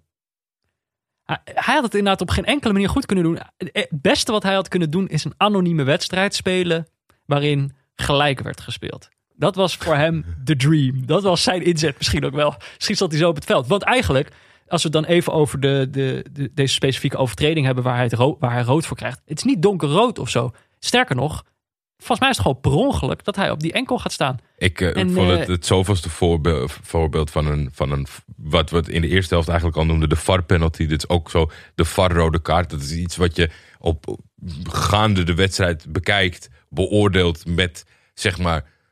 Deed deze jongen dit met opzet? eh, weet je, of, of kwam die ongelukkig uit? Dat soort dingen. Dan maak je allemaal afwegingen. Geel, donkergeel was prima geweest. Maar er waren zoveel factoren voor dit. Hoe het tot stand kwam, de impact, eh, de intentie. Allemaal niet. Maar ja, daar zie je de- wat die, wat die eh, Klaus zit te kijken op dat schermpje. Ja, dat kan je niet aan. Ja, wat moet je, wat moet je doen? Je ziet zo eh, een schoen overdwars op die jongen zijn enkel. Ja, precies. Want dat is het stomme. Dat op het moment dat je ernaar gekeken hebt, kan je niet anders dan rood geven. Terwijl op het moment dat je het ziet gebeuren, als scheidsrechter, dan, had je, dan was je er echt nog wel mee weggekomen om te zeggen, nou, ik denk dat het gewoon geel was. En dan hadden tv-kijkers thuis, die hadden dan de herhaling gezien en die hadden dan kunnen zeggen, ja, dat rood moeten zijn. Dus die, Ja, die VAR zorgt in die zin echt wel voor dat zo'n moment anders eh, beoordeeld eh, wordt. Nou ja, en dit, dit tekent de wedstrijd eigenlijk. Ik heb het gevoel dat er op dit moment, ik denk, er brak al iets bij internationaal op het moment dat ze die voorsprong weggaven Mhm. in de eerste helft. En hier eigenlijk is het klaar. Die, die stress komt, die, ja. Komt nu op een verkeerde manier tot uiting. Namelijk dat deze ploeg zich op geen enkele manier in deze, de rest van deze wedstrijd heeft weten te herpakken. Nee, maar ik, ik, ik, ik- dat ging ook even zeg maar, door mijn hoofd. eh, eh, wat moet Abel Braga nu? Zeg maar, de situatie is zo: je bent op voorsprong gekomen, je bent iets defensiever gaan spelen. Flamingo is al langs zij gekomen, die moeten winnen. Die zijn een beetje op de deur aan het bonken. Ja. En dan aan het begin van de tweede helft raak jij een speler kwijt. Wat ga je doen? Eigenlijk kan je niks kiezen, want met tien man aanvallen is best wel lastig. Dat snap ik ook wel. Maar je weet ook als je zegt van nou, we, we, we bouwen hem dicht. Dat die kans ook heel groot wordt dat Flamingo hem gaat maken. Ja, ja dus je kan geen kant op. het is een rotpositie. Echt een vervelende Aan de andere positie. kant, eh, Flamengo grijpt echt meteen hierna in. Dat Ja. vond ik wel echt leuk om te zien, want hoe vaak zie je dat nou? Ro- Rogero, Ci- Rogerio Ceni haalt meteen eh, zijn back Isla eraf en zet er gewoon een, een spits bij. Mirko vertelde dat zijn bijnaam de zweter is. Van de trainer, hè? Ja, Ja, nou, dat, ik weet maar, als hij ik hem niet wist. komt. als ik hem niet wist, dan had ik hem op basis van deze wedstrijd zeg maar, ook eh, kunnen, kunnen leren. Ja, Hij begon met een babyblauw shirt. En nu, nu zat hij al eh, eh, azuurblauw. Ja, ja. Maar we gaan nog verder in de wedstrijd. Ja, maar we- hij- zijn, zijn, zijn ingreep was goed. Gewoon meteen een spits erbij. Ging met drie spitsen spelen. Eh, die stonden gewoon eigenlijk de hele tijd met z'n drieën op een rijtje op één lijn met de verdediging. Ja. En internationaal heeft er volgens mij gewoon geen oplossing voor gevonden. Ik weet ook niet hoe je dat zou moeten doen. Maar ja, vanaf dit moment was het eigenlijk wachten tot, eh, tot Flamengo de 2 Ja, zou en gaan dan maken. hebben ze nog best wel een kwartier eh, goed, eh, goed stand weten te houden. Mhm. Maar dan is het toch Gabigol. Gabigol, ja, toch die goal die hij zelf niet, die zelf uit zijn naam wil hebben, die maakte hier wel. Ook alweer, eigenlijk Arascaeta, Ja. die doet het hier weer. Die geeft die steekbal op, op Gabigol. Perfect op maat. Dan moet je natuurlijk wel op tijd starten. Dat deed hij goed. Mhm. En, en, en Gabi, Gabi liet toch zien dat hij Ja. ooit eh, terecht deze bijnam Want het eh, leek erop, zichzelf heeft wat hij heel gegeven. goed doet. Volgens mij is dit dan wel weer lastiger dan dat het eruit ziet in de zin van dat hij hem dan tegendraads eh, zeg maar langs de keeper schiet. Ja, Ehm, en ik dacht, het zag er zo gek uit, die hoek waarin hij die bal uiteindelijk nog weet te schieten, dat die van richting werd veranderd. Maar in de herhaling zie je dat hij het toch echt zelf flikt, toch? Daar zit Zelf verdediger flikt meer aan. Dus is hij toch degene die, die hier Flamengo op voorsprong zet. Ehm, ja, en dat is triest. Want eh, ben je net de held, dan eh, eh, gaat, gaat ze Lies opspelen. Na drie minuten zijn we Gabi alweer kwijt. ik dacht, Na de 2-1. ik vond hem ook wel het type die dan, weet je wel, zijn ploeg op voorsprong zet en dan gewoon 30 minuten gaat tijdrekken. Gewoon 30 minuten lang op de grond liggen. nou ja, ik, dat, gevo- dat herken je toch wel? Zo'n soort speler is het toch? Het, hij zal niet vies zijn Gewoon van, een boefje, maar ja. een, Hij kon er inderdaad meteen af. ja, eh liesblessure, denk ik inderdaad. Hij greep tijd zo naar zijn, naar zijn lies. Ehm, ja, en op dit moment is het eigenlijk gewoon wachten. Totdat, eh, want ik bedoel, in principe moet internationaal nou gaan voor de 2-2. En dat voelen ze zelf ook wel. En je ziet wel dat ze het proberen. Maar als neutrale kijker weet je gewoon, het is wachten tot de 3-1 valt. En de wedstrijd echt klaar is. En internationaal het ook niet meer hoeft te proberen. En eh, nou ja, de 3-1, hij valt, wat is het? Drie keer. ja. Eh, in de tachtigste minuut is het Pedro. Dat is de aanvaller die inviel voor Mauricio Isla. Eh, die staat uh, buitenspel. Eh, maar op dat moment heb je al het gevoel van ja, deze goal zat er wel aan te komen. Ehm, hij maakt hem vervolgens nog een keer, toch? Of is het eh, via de VAR wordt deze uiteindelijk afgekeurd? Ik heb het gevoel dat hij nog een keer de 3-1 maakt. Ja, ja hij, maakt, hij maakt uiteindelijk in de, in de blessuretijd maakt hij de 3-1. Eh, maar Oh ja, dan zie je in de VAR dat hij, dat hij zijn tegenstander een setje geeft. Hij onderschept de bal rond op de middenlijn. Eh, met iets te veel handwerk. Dat is ook gewoon goed te zien op de beelden. Dus ik, ik dacht het al snel. Maar in de, eerste, in de eerste zag ik het niet. Dacht je gewoon, is een duel. Eh, maar hij duwt hem te veel. Dus eh, hij passeert de keeper nog op schitterende wijze. De keeper Ja. was heel ver uitgekomen. En eh, schiet hem binnen, gaat juichen, belletje naar de tribune. Weet ik veel wat hij allemaal aan het uitbeelden was. maar toen ging Klaus weer even kijken en toen werd hij afgekeurd. ja. En eigenlijk krijg je dan toch iets wat er altijd nog kan gebeuren. Dus internationaal is nu vanaf minuut 10, eh, laten we zeggen, redelijk kansloos. Want eerst was het bewust dat ze kozen voor defensief. En daarna eh, Flamingo was herenmeester. Ja. En dan toch het moment wat jij eh, laatst omschreef als waar je niet zo gek op bent, is dat, dat, dat, dat alles gaat overboord. Internationaal gaat nog aanvallen. Op Gaat het gegeven- gewoon opportunistisch proberen. Ja, Niet meer op een fatsoenlijke manier. Gewoon op goed geluk. Bij Flamengo houden ze het niet meer. De bank stond half in het veld met, ja, ik denk wel 23 Bij ieder mensen. fluitsignaal denken ze dat het Dat het afgelopen is. afgelopen was, dat was fantastisch. Ze hebben drie keer staan juichen in die Flamengo. Want ook die 3-1 ging weer niet door. Dus de kans op het gelijkspel en dan de betere papieren voor internationaal, Ja. die zaten er nog in. En dan is er een inworp nadat ze voor de vierde keer dachten dat er werd afgefloten. Die valt voor de voeten. Nou ja, Peter, als, als die tegenstander niet Ja. onderweg stond, Deze was erin gegaan, hè? deze was er Het gevoel. 100% ingegaan. Staat er 2-2 in de 96e minuut. Dan staat Flamengo daar met lege handen. Ja. Hebben ze toch hebben ze niks. Ik, ik, ik kan er niks aan doen dat, dat ik dat moment zo heerlijk vind. Ik denk, ja, dan Ja. er maar in ook. Terwijl Flamengo had een beetje. Die, die, die, die, was gewoon goed. Die, die hadden leuke spelers. Mm. Maar dan toch hou ik toch wel van dat drama. Het uit Ja. voor mij mogen vallen. Maar het is eh, het moment. Commentator zegt ook altijd. eh, nu sprak hij Portugees, dus ik heb het niet verstaan. eh, maar die, die zegt dan altijd: ja, je krijgt altijd die ene kans nog. Ja, En dat dat dan gewoon eigenlijk ook altijd zo is. Hier ook, want ik vond het wel grappig. Het was zes minuten extra tijd. Eh, en eigenlijk in de negentigste minuut had ik het gevoel dat internationaal het eigenlijk al had opgegeven van, nou ja, fuck it, het is niet gelukt. nee. Verdomme, weer, run- weer runner-up.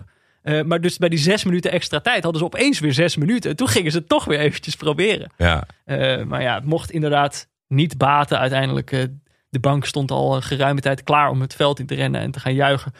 Het werd uiteindelijk nog, zeg maar die zes minuten werden dus nog langer. Omdat er nog een afgekeurde goal tussen zat en zo. Dus het was een, een stressvolle tocht tot Flamengo eindelijk echt de, de zege kon vieren. Maar toen, toen floot Klaus af. Ja terecht een, een, een- man of the match eh, qua voetbal.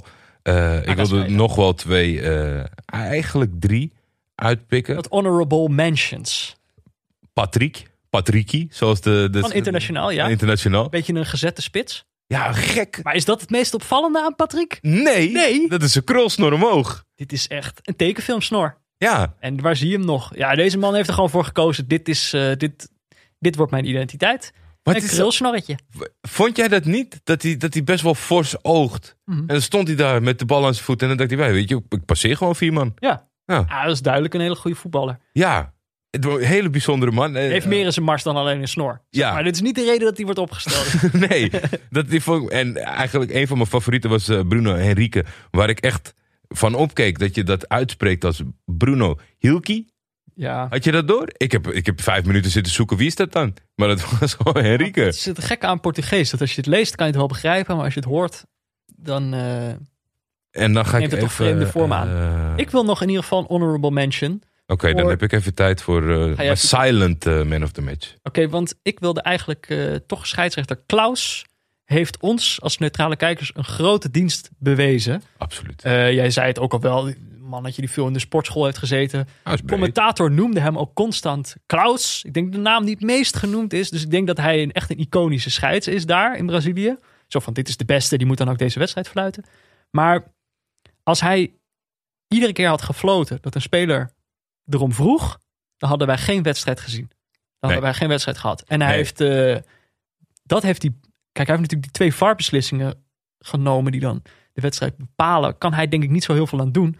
Maar hij had best wel een, een scherpe lijn zo van, dan fluit ik wel. Maar ik ga voor dit soort flauwe, flauw gedoe, ga ik gewoon niet fluiten. Die hele wedstrijd heeft hij geen enkele keer, eh, zeg maar, iemand een vrije trap gegund of zo. Er moest Nee. wel echt een overtreding plaatsvinden. Dus daar wilde ik toch even zeggen.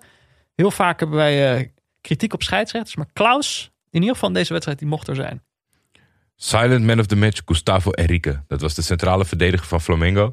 Die is mij niet eh, opgevallen. Die beheerste eh, de kunst van de schouderduw, kan ik je wel vertellen. Die heeft er een paar van internationaal eh, te- tegen de boarding aan gewerkt. Maar op, op faire manier. Ja. En daar kwam dan deze scheidsrechter nog eens echt uitstekend bij van de pas. Mhm.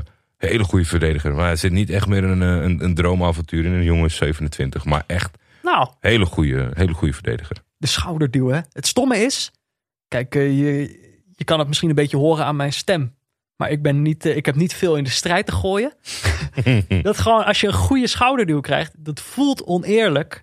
Maar het eh, mag, zeg maar. Ja, En, eh, maar daar kan je echt, je kan een flinke oplawaai krijgen. timing is key. Timing is key. Oké, dan is het natuurlijk altijd nog de vraag: wat hebben we van deze wedstrijd geleerd? En ik dacht, dit is een goed voorbeeld van de kampioenswedstrijd. En dan ook nog eens, zeg maar, eigenlijk een dubbele kampioenswedstrijd, omdat ze allebei nog eh, hiervoor strijden. Ze strijden allebei om hetzelfde. Ja. Ehm, en eh, ik kan het dan toch niet helpen. Ik denk dat Flamengo on- gewoon terecht heeft gewonnen. Mhm. Daar valt weinig op af te dingen. Was gewoon de betere ploeg. Of die, in ieder geval, ik had het gevoel dat zij die stress beter konden handelen dan internationaal. En toch vond ik het gewoon, kon ik het niet helpen om het zielig te vinden voor internationaal. Ik voelde de hele tijd de sympathie voor internationaal. Interessant. Waarom dan? Denk je? Ik weet niet, ik denk uiteindelijk is het gewoon omdat het zo'n rotpositie is om in te zitten. Eigenlijk. Wat is nou de fijnste positie om zo'n wedstrijd als deze in te gaan?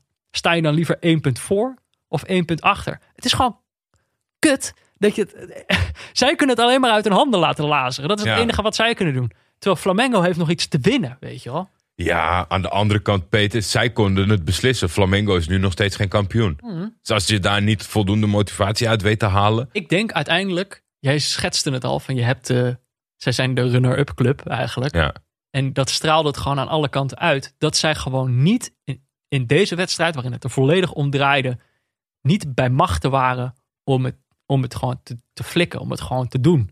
Dus ik, het was gewoon geen kampioen. Het is wel... Het kan nog door de.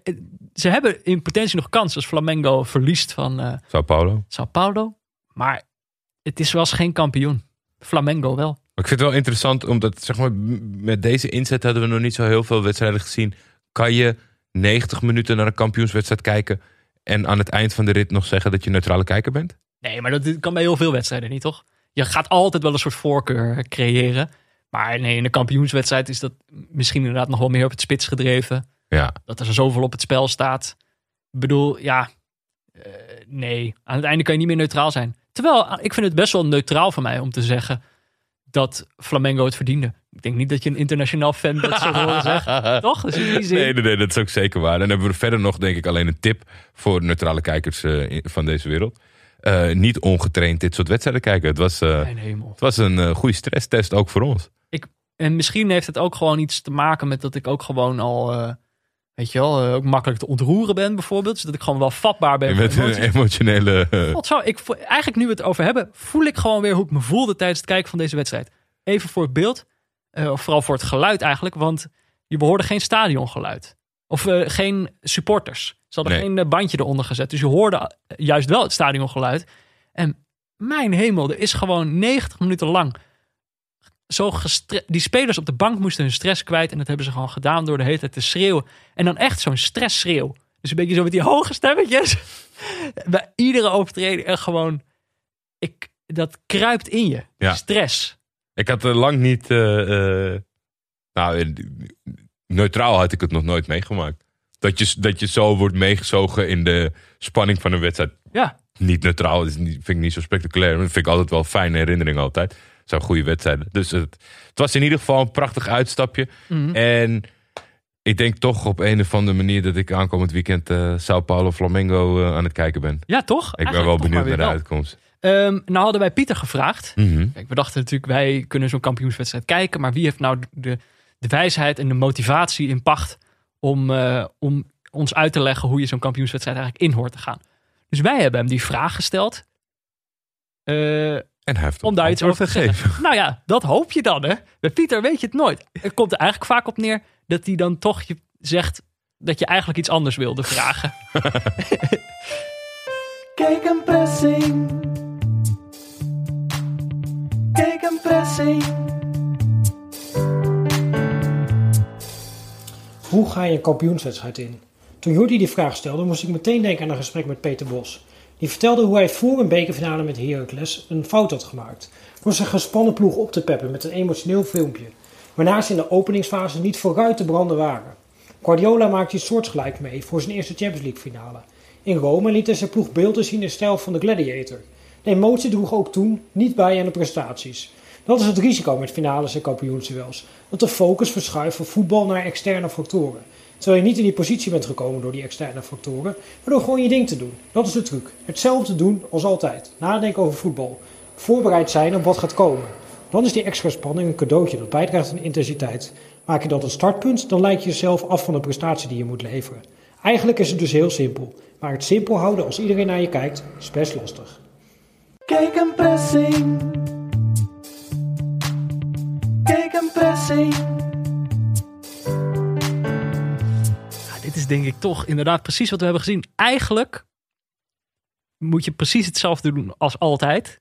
En juist dat is op een of andere manier in de kampioens, kampioenswedstrijd het, het moeilijkste. Ik vind vooral. Dat je, eh, dat je denkt, hoe deden we dat nou die vorige 36 wedstrijden? Want dat is toch stom voor internationaal? Nou ja, we hebben genoeg gezegd over die wedstrijd. Pieter heeft het toch weer, toch, toch weer mooi afgerond voor. prachtig verwoord. En dat we er maar iets van mogen leren, toch?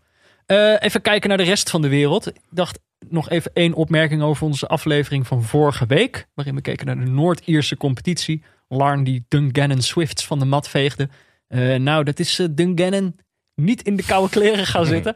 We werden gementiond door de tipgever van die wedstrijd, Lord of the Winds. Dat Dungannon zijn trainer op straat heeft gezet. Ja, Terwijl ze kunnen niet degraderen dit seizoen. is ongelooflijk toch? Toch, dat, toch hoop op dat ja, ik denk, meer, ik denk meer dat het eigenlijk zo is gegaan dat het nee, prestatiegericht kan zo'n club nooit echt zijn. Maar toen ze erachter kwamen dat ze in de zeik zijn genomen door de neutrale kijkers. Toen hebben ze gezegd, als jij bent die verantwoordelijk voor, je kan, je, kan je Ja. biezen pakken. Maar ja, Ja, ik, schade.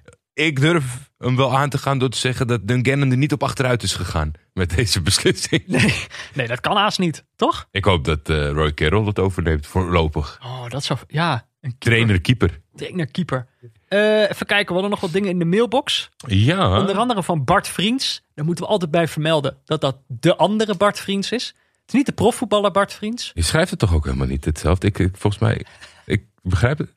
Ja, maar ja. Ja, het, schrijf- klinkt, het klinkt misschien eh, qua tekst. Gewoon Bart Vriends. Ze heet allebei Bart Vriends. Eh, kinderen en neutraal kijken. Ja. Zijn vraag eigenlijk die hij stelde, en die kan hij eigenlijk alleen aan- aan jou stellen natuurlijk, alhoewel Fik natuurlijk best wel jong is. Hij heeft zelf een, eh, een, een zoon. Mhm. Ehm, die probeert hij te indoctrineren met, eh, met Willem II. met Willem II, eigenlijk. Hij wil gewoon dat het een Willem II-fan wordt. Maar die zoon, eh, ja, en dat is dan toch het gekke, joh, die dat zou je misschien wel kennen. Dat hij dan een eigen wil lijkt te hebben. Toch een eigen neutrale kijkersblik op het, op het voetbal. Ja, die erg, erg, erg wordt beïnvloed door het spelletje FIFA. Maar eigenlijk hoe harder Bart Willem II roept, hoe meer zo'n beslist ik, ik ben voor PSV. en dat hij ook helemaal geen zin heeft in al die verliespartijen en ongein. En dat hij op zo'n Europa League avond liever Arsenal eh, Benfica gaat kijken. Ja, ik denk wel dat dan inderdaad in ieder geval die zoon van Bart Vriends... Ik, over, over wordt iedereen geboren als neutrale kijker? Daar durf ik niet zoveel over te zeggen. Ik denk het eigenlijk wel. Maar ehm, Echt geboren wel. Maar als er dus iemand, laat je vader is, mhm. dan tot je, ja, hoe, hoe zeg je dat? Tot je je hersens gaan werken. Ja. Daarvoor kan je allemaal niet, kan je allemaal niet onthouden. maar Maar ja, dan, dan Ja. niet. Dus eigenlijk zijn echte startpunt is niet meer neutraal. Nee. Je wordt wel neutraal op aarde gezet, dat geloof ik wel. Ja, maar dat is inderdaad dan toch de, de vloek dat je door je ouders meteen al niet meer neutraal bent. Maar ik denk wel dat eh, deze zoon van Bart, hij heeft wel de, zeg maar, de neutrale kijkersgenen in de zin van, volgens mij is neutraal kijken ook gewoon, hij gaat dus eh, Arsenal kijken, bijvoorbeeld Arsenal tegen Benfica, omdat hij niet wil zien hoe PSV het verprutst tegen Olympiakos. Eh, en dat is volgens mij wel wat neutraal kijken in de kern is. Dat je zeg maar het supporterschap te veel met je doet. En dat je daarom Beslist om liever naar het veilige neutrale kijken gaat, waarin je, waarin je gewoon nog vrij kan zijn. andere, andere redenaties zoeken. Eh, Ben jij daar een beetje, we hebben het wel eens over gehad, over, kijk, jij probeert Fik wel echt op te voeden met voetbal, maar eh, vrees je het wel eens dat hij, eh, dat hij voor een andere club gaat zijn? Nou ja, laten we vooropstellen dat eh, iemand het kamp van Galatasaray inkrijgen lijkt mij minder moeilijk dan Willem II. en met alle respect naar Willem II natuurlijk. maar nee, ja, dat, is, dat, dat lijkt me wel... Dat aspect, ik, ik heb het idee dat van die Turkse kant, dat komt vanzelf wel. Het zal meer en dan, ja, hier... Ja, ik, ik, ik, ik, ik, ik, ik, ik weet nog niet waar we zijn. Ik weet nog niet waar we zijn. Eh, Hij gaat, hij gaat steeds beter tegen een bal aan trappen. Zegt dat wat? Ik weet het niet. Ik, eh, ik, ik We vind, houden, we houden het in de gaten. het is een spannende reis. We blijven het volgen. Ik blijf jullie op de hoogte We houden. hadden nog een mailtje van Itwer Boersma. Die moeten we eigenlijk beginnen met excuses. Die hebben wij namelijk vorige week door het slijk gehaald. Ja. Want hij was degene die ons het filmpje had gestuurd van de stoomtrein die tussen tribune en voetbalveld doorrijdt. En dan zaten wij weer zo. eh, dat filmpje hebben wij al tien keer gezien. Ja, maar hier ga ik niet mijn excuses voor maken. Hij maakt eigenlijk zijn ex- excuses naar ons toe... dat hij zoiets totaal irrelevants op de lijst heeft gezet. Jij noemt het excuses. Hij schuift eigenlijk de schuld af. Hij ja, zegt, en ja, naar niemand minder dan Simon Zwartkruis. ja VI-journalist Simon Zwartkruis had, eh, had, voor it, had dit filmpje in Itwer, Itwer zijn timeline geretweet. Ja. Hij dacht, ja, als een VI-journalist goed ingelicht dit eh retweetswaardig vindt, Dan zal het wel Dan, eh, nieuws zijn. dan zal het wel nieuws zijn. maar ja, sorry eh, Itwer, we, hadden dus boos moeten worden op, op Simon. Bij deze, Simon, kom op man. Ik ga, Step ik, up your game. Ik spreek Simon hier nog wel op aan. En dan zijn we alweer toe aan ons... oh ja, trouwens, mocht je ons ook willen mailen, dan kan dat dus via neutralekijkers.gmail.com. Ook Zeker. wel vriendelijk om dat erbij te zeggen. Dat gaat meer over de grotere thema's van het leven. Gaan we nu hebben over de kleine thema's van het leven. In het uh, gecrowdsourced deel van onze aflevering. Onze vrienden van de show, we noemden ze al eerder deze aflevering, hebben namelijk meerdere privileges dan alleen eh, bonus episodes. Ze hebben ook eh, het privilege om namen in ons script te zetten. En dan moeten wij live tijdens de opnames gaan raden wat die namen daar in godsnaam doen. Jordi, wil jij nog eh, wil jij beginnen met een naam of zal ik beginnen? Begin jij maar, want ik heb mijn tabblad niet open. Ik denk dat we niet heen kunnen om Kirill Louis Dreyfus. Dit is, eh, deze is op de, na, eh, op de namenlijst gezet door Aard Appel. Dat is de show Aard Appel. Nieuwe eigenaar van Sunderland. Yes. En die is drie. Ja, nou ja, praktisch, praktisch drie. 23 is hij inderdaad. Het is, ik zal even, hij is de nieuwe eigenaar van Sunderland. Dus hij heeft die club gekocht eigenlijk Ja. in zekere zin. Hij is daar nu de baas. Eh, nou ja, ik eh, heb natuurlijk eh, diep gegraven en een één artikel van The Guardian gelezen. Daarvan ga ik nu de highlights aan de mensen doorgeven. Namelijk dat hij de zoon is van de oud-eigenaar van Olympique Marseille. Marseille. Die vader is in 2009 overleden. En op dat moment hebben ze eigenlijk gezegd: we gaan met die familie, we gaan nooit meer iets met voetbal doen. Het is een verrotte business. Maar ja, Sunderland. dat, is, dat is meer een kunstproject dan voetbal. Ja, dus dit trok deze, deze Kirill wel aan. Nou, en het is wel, kijk, op je 23ste eigenaar worden van een club, dan ben je, niet, ben je geen heel normale 23-jarige jongen. En tuurlijk, het is dan een hele rijke jongen. Dat maakt hem al niet normaal. Maar ook niet alle rijke jongens kopen dan een, een, een club in de League One. Dan Nee. moet er toch gewoon een steekje los zitten bij je. Eh, en nou ja, kijk, het is een beetje. Hij is een drop-out van International Sports Management. Mhm. Die op een privéschool in Leeds. En dat was een soort combinatieopleiding waarbij al die klassen zelf ook voetbalden. Dus dat je ook, het was ook een sportopleiding. Nou, daar is hij dus. Die opleiding heeft hij niet afgemaakt. Hij is dus ook niet opgeleid als voetballer. Ze hadden voor dat Guardian-artikel nog wel iemand bereid gevonden om te zeggen dat hij toch best eh, begenadigd eh, was. Maar ja, als je op je 23ste zelf een club koopt. Kijk, ik weet niet of hij, eh, of hij zichzelf in de basis gaat zetten. Maar ik denk dat je dan niet, eh, niet echt het profvoetbal eh, in het vizier had. Eh, maar het is een, ik denk dat we hem best kunnen begrijpen als een society man. In de zin van dat hij heel veel bekende vrienden heeft. Je kan naar zijn Instagram gaan. Gaat, staat hij met allemaal bekende mensen op, het, op de foto. Hij noemt zichzelf bijvoorbeeld ook niet Kirill Louis Dreyfus. Hij noemt zich KLD. nou, weet je al wel hoe laat het is. Het grappige is, hij heeft ook een tweelingbroer. Maurice, MLD. MLD. En die is DJ in Zurich. En dat is eigenlijk, toen dacht dat klopte meteen. Als je deze jongen ziet en je hoort dat, weet je een 23-jarige rijke jongen. Het is eigenlijk gewoon een soort DJ, is nu eigenaar geworden van Sunderland. En ja, hoe dat in godsnaam. Die club heeft al zoveel te verduren gehad. Ja, je weet het niet. Misschien treedt hij in de voetsporen van zijn vader en wordt het echt zo'n eh, zo'n clubman. En dat hij dan ooit stopt bij Sunderland en dat hij zegt: Ik eh, doe dit nooit meer. Het is een ver- verrotte business. Maar ja, je, je weet het niet. Maar dus eh, Sunderland, hou het in de gaten. Er zit, er zit een of andere society, jongen. Ergens, ergens zou ik het nog wel oké vinden of in de gaten willen houden. Maar het feit dat, dat, dat Sunderland eh, weet je, zijn ziel heeft verkocht aan Netflix. Dan weet je wat de motivatie is van zo iemand. Het is natuurlijk ook geen, eh, weet je, rijk, rijk. Tuurlijk, jij en ik eh, kunnen Sunderland niet kopen.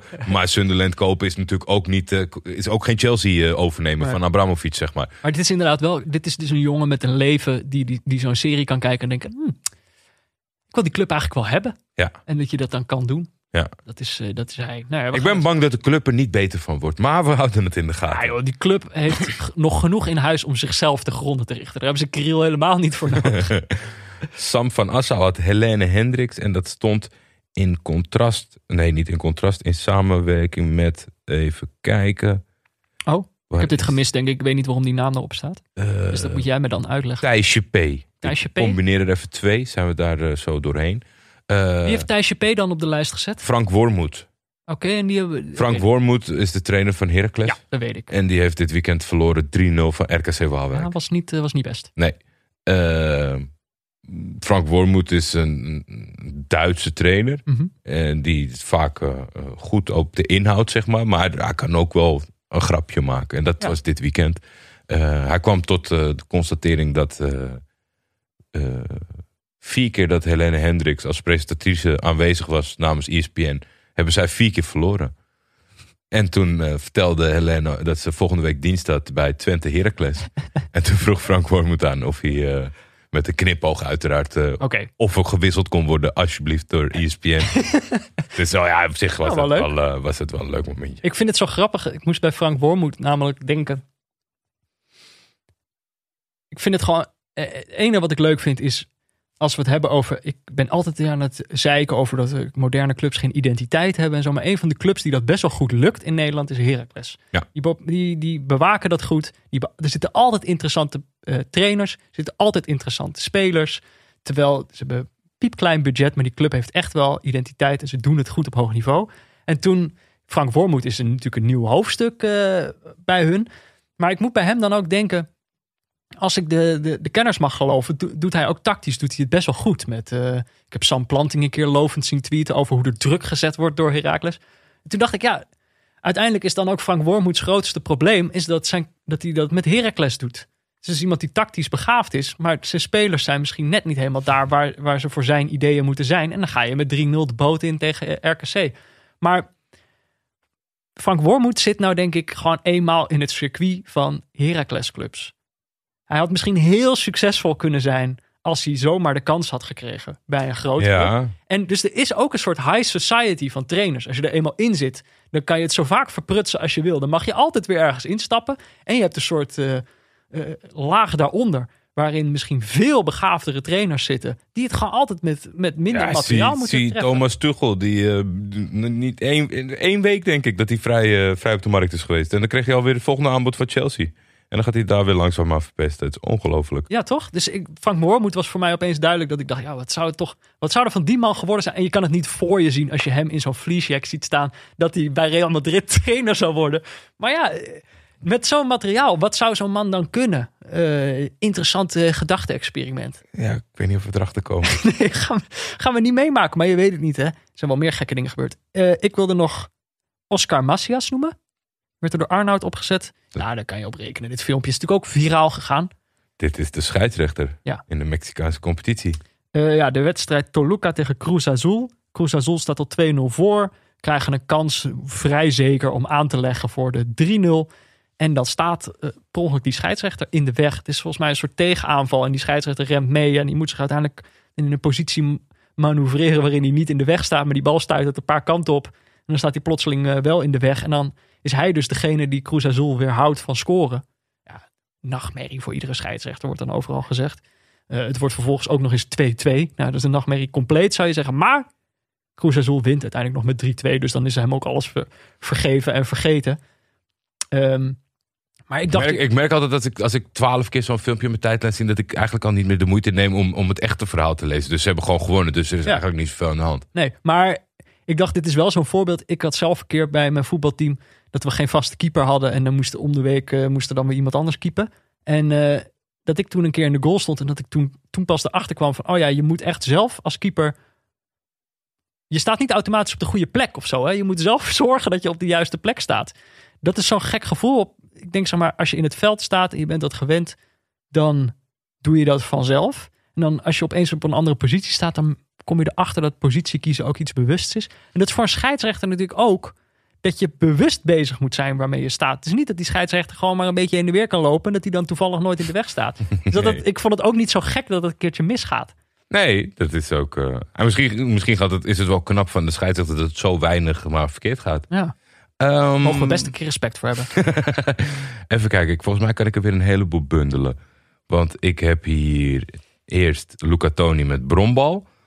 En dan hebben we hier, even kijken, Ja, van de Berg. kieskikker Genki. En Oh. dan hebben we tot slot eh Jan van den. Oh, John van der Brom. nee, maar we hebben ook eh, Jan van den Berg. Oh, Jan van den Berg staat er ook drie Van keer op. Gloppertje. Gloppertje. Nou, dit al, nou, de, nou wat een heerlijk Een, eh, mooie gebundeld, bundel. jongens. Heerlijk gebundeld, jongens. Eh John van der Brom had voor de wedstrijd aangegeven dat hij eh, zat was met het gezeik over dat, eh, eh, hoe het met zijn baan staat. Ja. Dat, dat, dat ze... Dat, eh, dat, dat ze Hij wilde het over velden, slechte velden. eh, maar het gaat natuurlijk gewoon slecht. Hij verliest. toen kwam eh, Beerschot op bezoek. Ja. Voor de wedstrijd heel erg gelachen. Want Genki die ging met zijn eh eh De vaccin... mascotte hè, van Genk. Ja, nou, dat moeten de mensen toch wel weten. Mijn werker Genki. Ja, die had een spuitje. Die had een, een vaccin weten te bemachtigen. en er liep daar toevallig een mascotte van het coronavirus in de rond. Ja, die hebben ook een mascotte. Ze zijn ook bezig met marketing. Je zou zeggen, de viral marketing hebben ze aardig op orde. Maar nee, er re- rende een virus door het stadion. Ja. Ah, skolderiek. Je Ja. moet toch wat, hè? We hebben een keer Ali de Aap in een vuilcontainer gezien. En nu eh, Genki die eh, door het stadion rent. Maar ik moet wel zeggen, ik vind, ik vind het wel knap, zeg maar. Omdat al die clubs die een mascotte hebben, zijn natuurlijk elke week bezig met. En 9 van, ja, 9 van de 10 keer, 99 van de 100 keer is het gewoon niet grappig. Weet je, het is Ja, niet voor niks. Terwijl dat- eigenlijk met mascottes het enige wat je hoeft te doen is rennen of zo. Dat is eigenlijk al grappig. Nou, dat zag je nu maar weer. Ja. Maar dit was, dit was een sterk verhaal. Eh, Beerschot op bezoek. Beerschot is totaal ingestort sinds wij naar ze hebben gekeken. Ja. Dus dat moest dan eindelijk te doen zijn voor John en, en, en zijn Genk.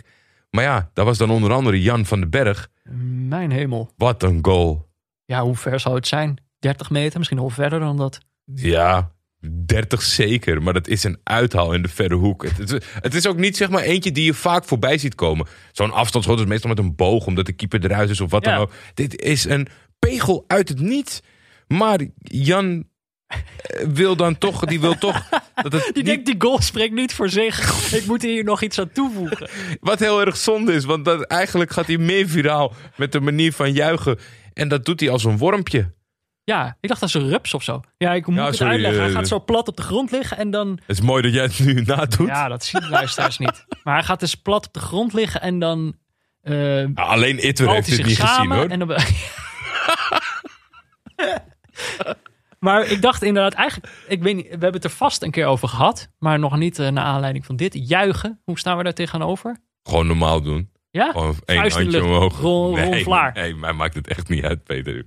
Weet je waar ik... Ik ben er wel over uit. Die IJslanders vond ik toen... En eigenlijk had ik daar al kunnen weten dat het... Een, ik wou KUT Wat dat klappen. Ja, nee, Oh. die hadden die, die, dat de amateur-elftal wat steeds... eh, of ging vissen. dan ja, gingen ze ja, met z'n allen... ja. Daar hadden we het al kunnen weten dat die IJslanders slecht zijn. Ik denk uiteindelijk wat voor mij de kern is van goed juichen, is dat, het, eh, dat er is vreugde.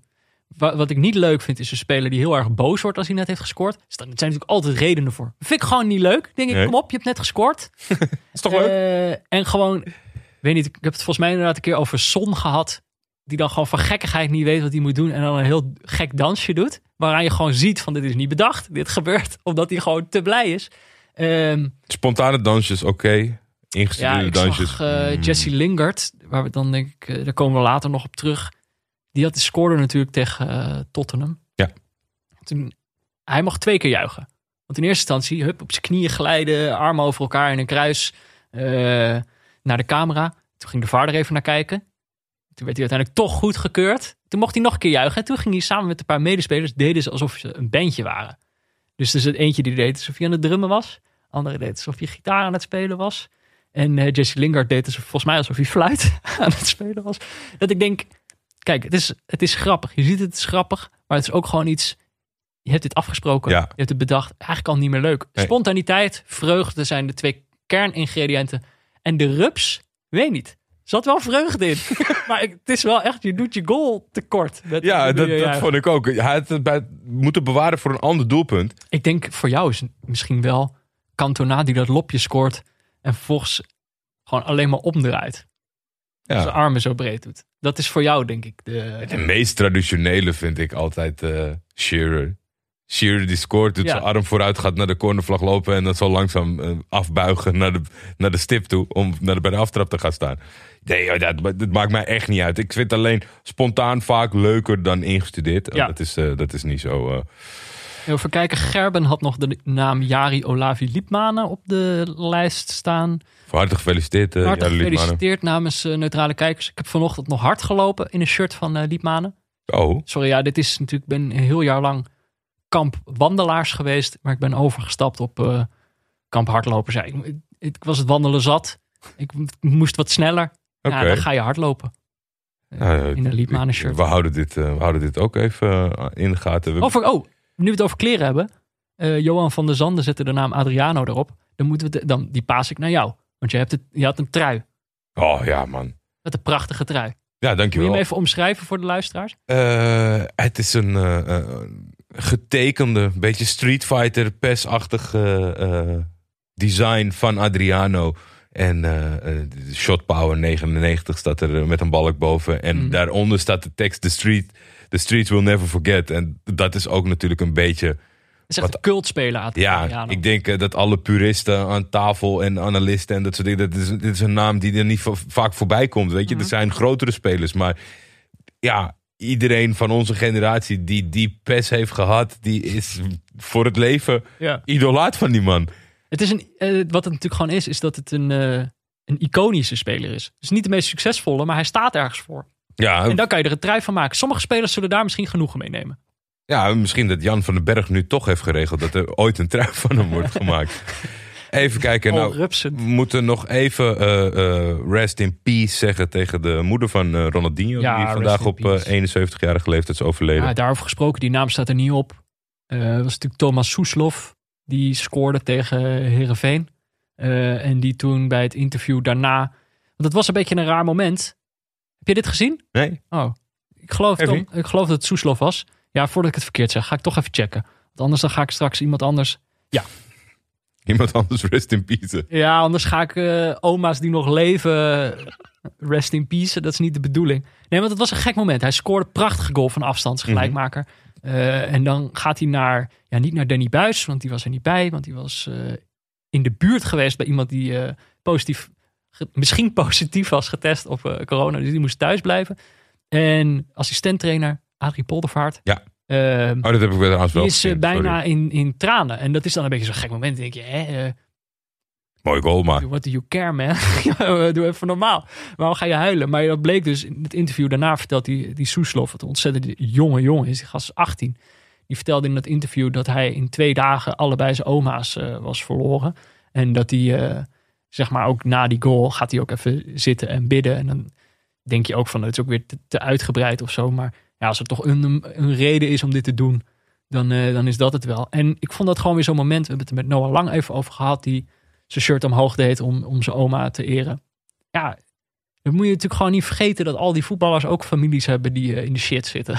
Ja, Eh, en dat er gewoon nog elke dag mensen overlijden aan dit virus. En dat zij, die voetballers, in dezelfde wereld leven. Hun familieleden lijden hier ook onder. En eh, dus ja, het is gewoon, je hoopt altijd dat het voetbal een soort eh, verlossing kan zijn. Een soort bevrijding van de alledaagse domme dingen. Eigenlijk wat je ziet bij zo'n goal van NEC, NEC voor het publiek. Dat je die echte ontlading ziet. Dat je gewoon weet, dit moment staat op zich. Staat er eindelijk even los van. Eh, dat hoop je natuurlijk, maar dat is gewoon niet zo. Spelers zitten ook gewoon in de shit. Dus dat vond ik even mooi, moet ik dat toch even zeggen. Ja, en de meeleeftijd van zo'n trainer vind ik dan ook wel mooi. Het is mooi. Mooi. Ehm, Ontroerde me. Ga ja, ik ik, eh, Ik zit diep in de ontroering vandaag. ik zit, eh, hoe heet het, te zoeken? Tissues te zoeken voor Ik je. wil nog eentje noemen. Deze is op de lijst gezet door Wamberto. Die zette Niklas Lomp. Vanuit buitenspelpositie. Die zette de naam Niklas Lomp erop. Weet je wie dat is? ja, Ja, dat is want het was lomp met een B of lomp met een P. Ja, nou zeg het maar. Nou ja, kijk. Dit is de zoveelste keeper van... De eerste keeper van eh Bayer Leverkusen. De ploeg van eh, Peter Bos. Ehm, ja, die, die gaat dan niet heel lekker. Ze hebben gewoon een beetje een keepersprobleem daar. Ja. Dan komt de tweede keeper, Niklas Lomp. Die mag het dan proberen omdat de eerste keeper geblesseerd is. Ehm, ja, die gaat dan ook gewoon eh, ontzettend de fout in. En dan denk ik gewoon het, dat het toch niet helpt om de naam Lomp te hebben. Het maakt het nog lulliger. Ja, Dat de commentator dan zegt, eh, oh Lomp, wat doe je nu? en ik heb opgezocht, in het Duits betekent het niet hetzelfde. Dus eh, daar ontkomt hij eraan. Maar in de aflevering van Neutrale Kijkers is dat toch gewoon een lullige naam om te hebben. Eh, Jos en de dikke Ronaldo die hebben Romelu Lukaku erop gezet. En ik vind dat wel Ja. een mooi moment om ook, ook, ook helemaal niet die andere spits onder de aandacht te brengen door hem bij naam te noemen. Nee. Maar er was daar een strijd gaande tussen Inter en Milaan. Ja.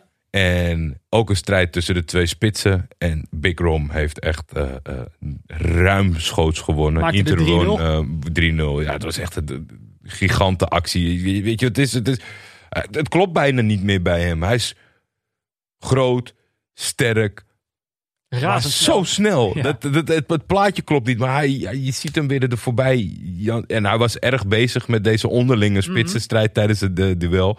En eh, ik Mhm. Hij heb kreeg wel... een applausje van de andere spits. Ja. Die wij niet met naam zullen noemen. Waarbij ik ook bij dat applausje weer dacht. Jij, bent, jij weet zo goed hoe, Wat je doet. hoe publieke opinie werkt en hoe je dat Ja. speelt. Exact. Gewoon een marketingman, ook in het veld. Grote Irritant. Lukaku. En Ja. eh, een van de architecten die Inter dit jaar kampioen gaat maken. Oeh, nou ja, ze staan wel bovenaan natuurlijk. Ja, ik weet wel wanneer ik dingen zeg, eh, durf uit te spreken. Ja, daar moeten we toch, eh, toch weer een keertje naar ze kijken, denk ik. Misschien als we hun kampioenswedstrijd kunnen uitkiezen op een gegeven moment. Toch wel leuk zijn. Ja, Ik- Als het een keertje niet Juve is, dan wil ik, wil ik het wel zien. Wil ik er wel bij zijn. Totaal uit het niets zag ik ineens eh, Cho eh Oma, Omar Nias posten. Ja. Dus een oud, Dit heb je eh, al meegekregen, toch? Ja, nu uiteindelijk. Maar ik, ik had het gemist. Ik weet ook niet precies...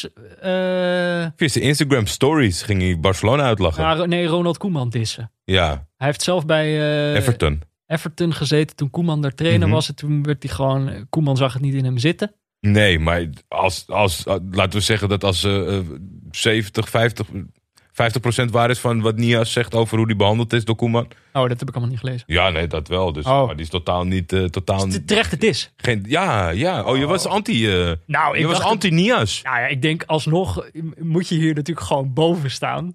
Nee, gaat, gaat niet, wat heeft hij nog te maken? Dit is zo lang geleden.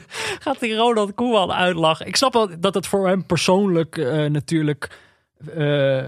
dat je dat niet zomaar vergeet als je slecht bent behandeld door iemand. Maar ja, om dat nog zo publiekelijk te beleven. Je laat gewoon zien hoe klein je bent. Dan moet je boven staan. Ja, ik weet het niet. Ik bedoel, ja, ik zou. Weet je, in, het voetbal, in de voetballerij heb je natuurlijk niet zoveel kansen als je dan... eh, de, de- de- het was maken of breken bij Everton. Als, als jij dan het gevoel hebt dat hij er een grote factor is dat hij het niet hebt kunnen maken. Ja. En laten we het... De wereld maakt het groter. Er is blijkbaar een soort voetbalzone-nerd die alle voetballers ter wereld en dat dan erop pikt, zeg maar. Als die jongen nou eigenlijk soort van in zijn Instagram-community Koeman gaat uitlachen, is dat toch helemaal prima. Ja. Alleen, ja, als je het dan uitvergroot en gaat nadenken, ja, een beetje sneu. Mhm. Maar die jongen doet het toch niet om de hele wereld te laten Ik zien. vind het wel grappig.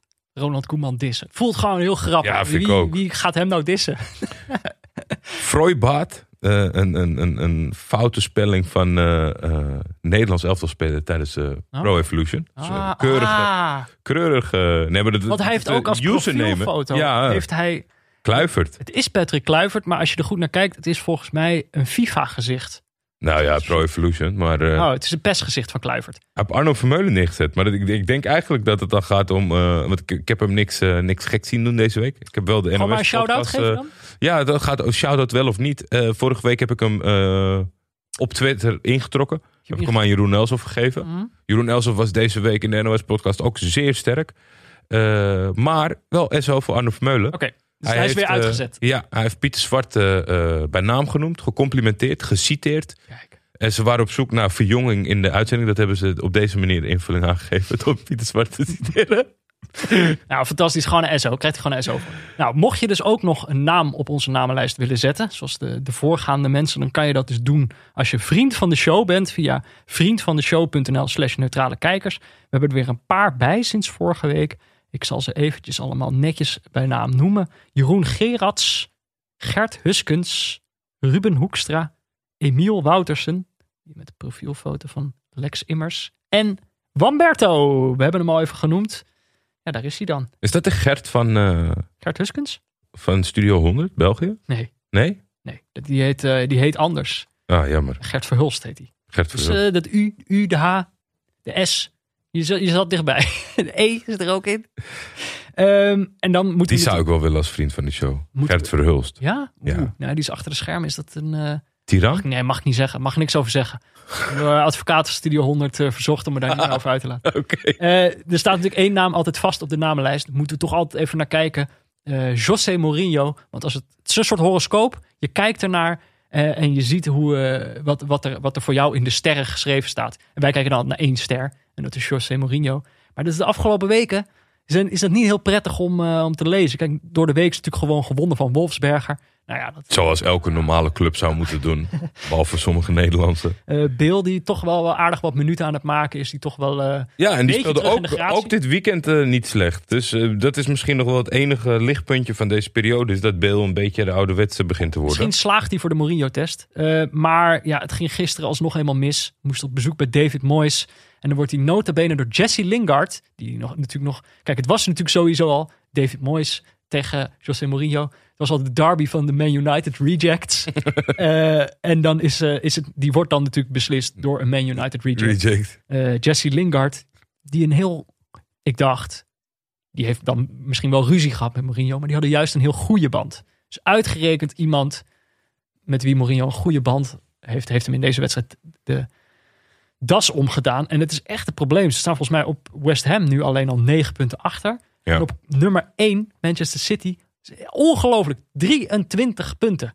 Dat is nog niet, ze stonden in november nog eerste. Het is echt... Het is ongelooflijk. Er is volgens mij geen, club die het zo slecht doet op dit moment. Ja, en ik, Eh, Jules Huijnen is eh, supporter eh, van, van Spurs. Dat durft hij volgens mij dat, Oeh. dat durft hij meer publiekelijk te doen dan, dan MVV. Daar komt hij vandaan, maar dat, daar hoor je hem nooit over. Ik denk, weet je, praat daar eens over. Mm. Maar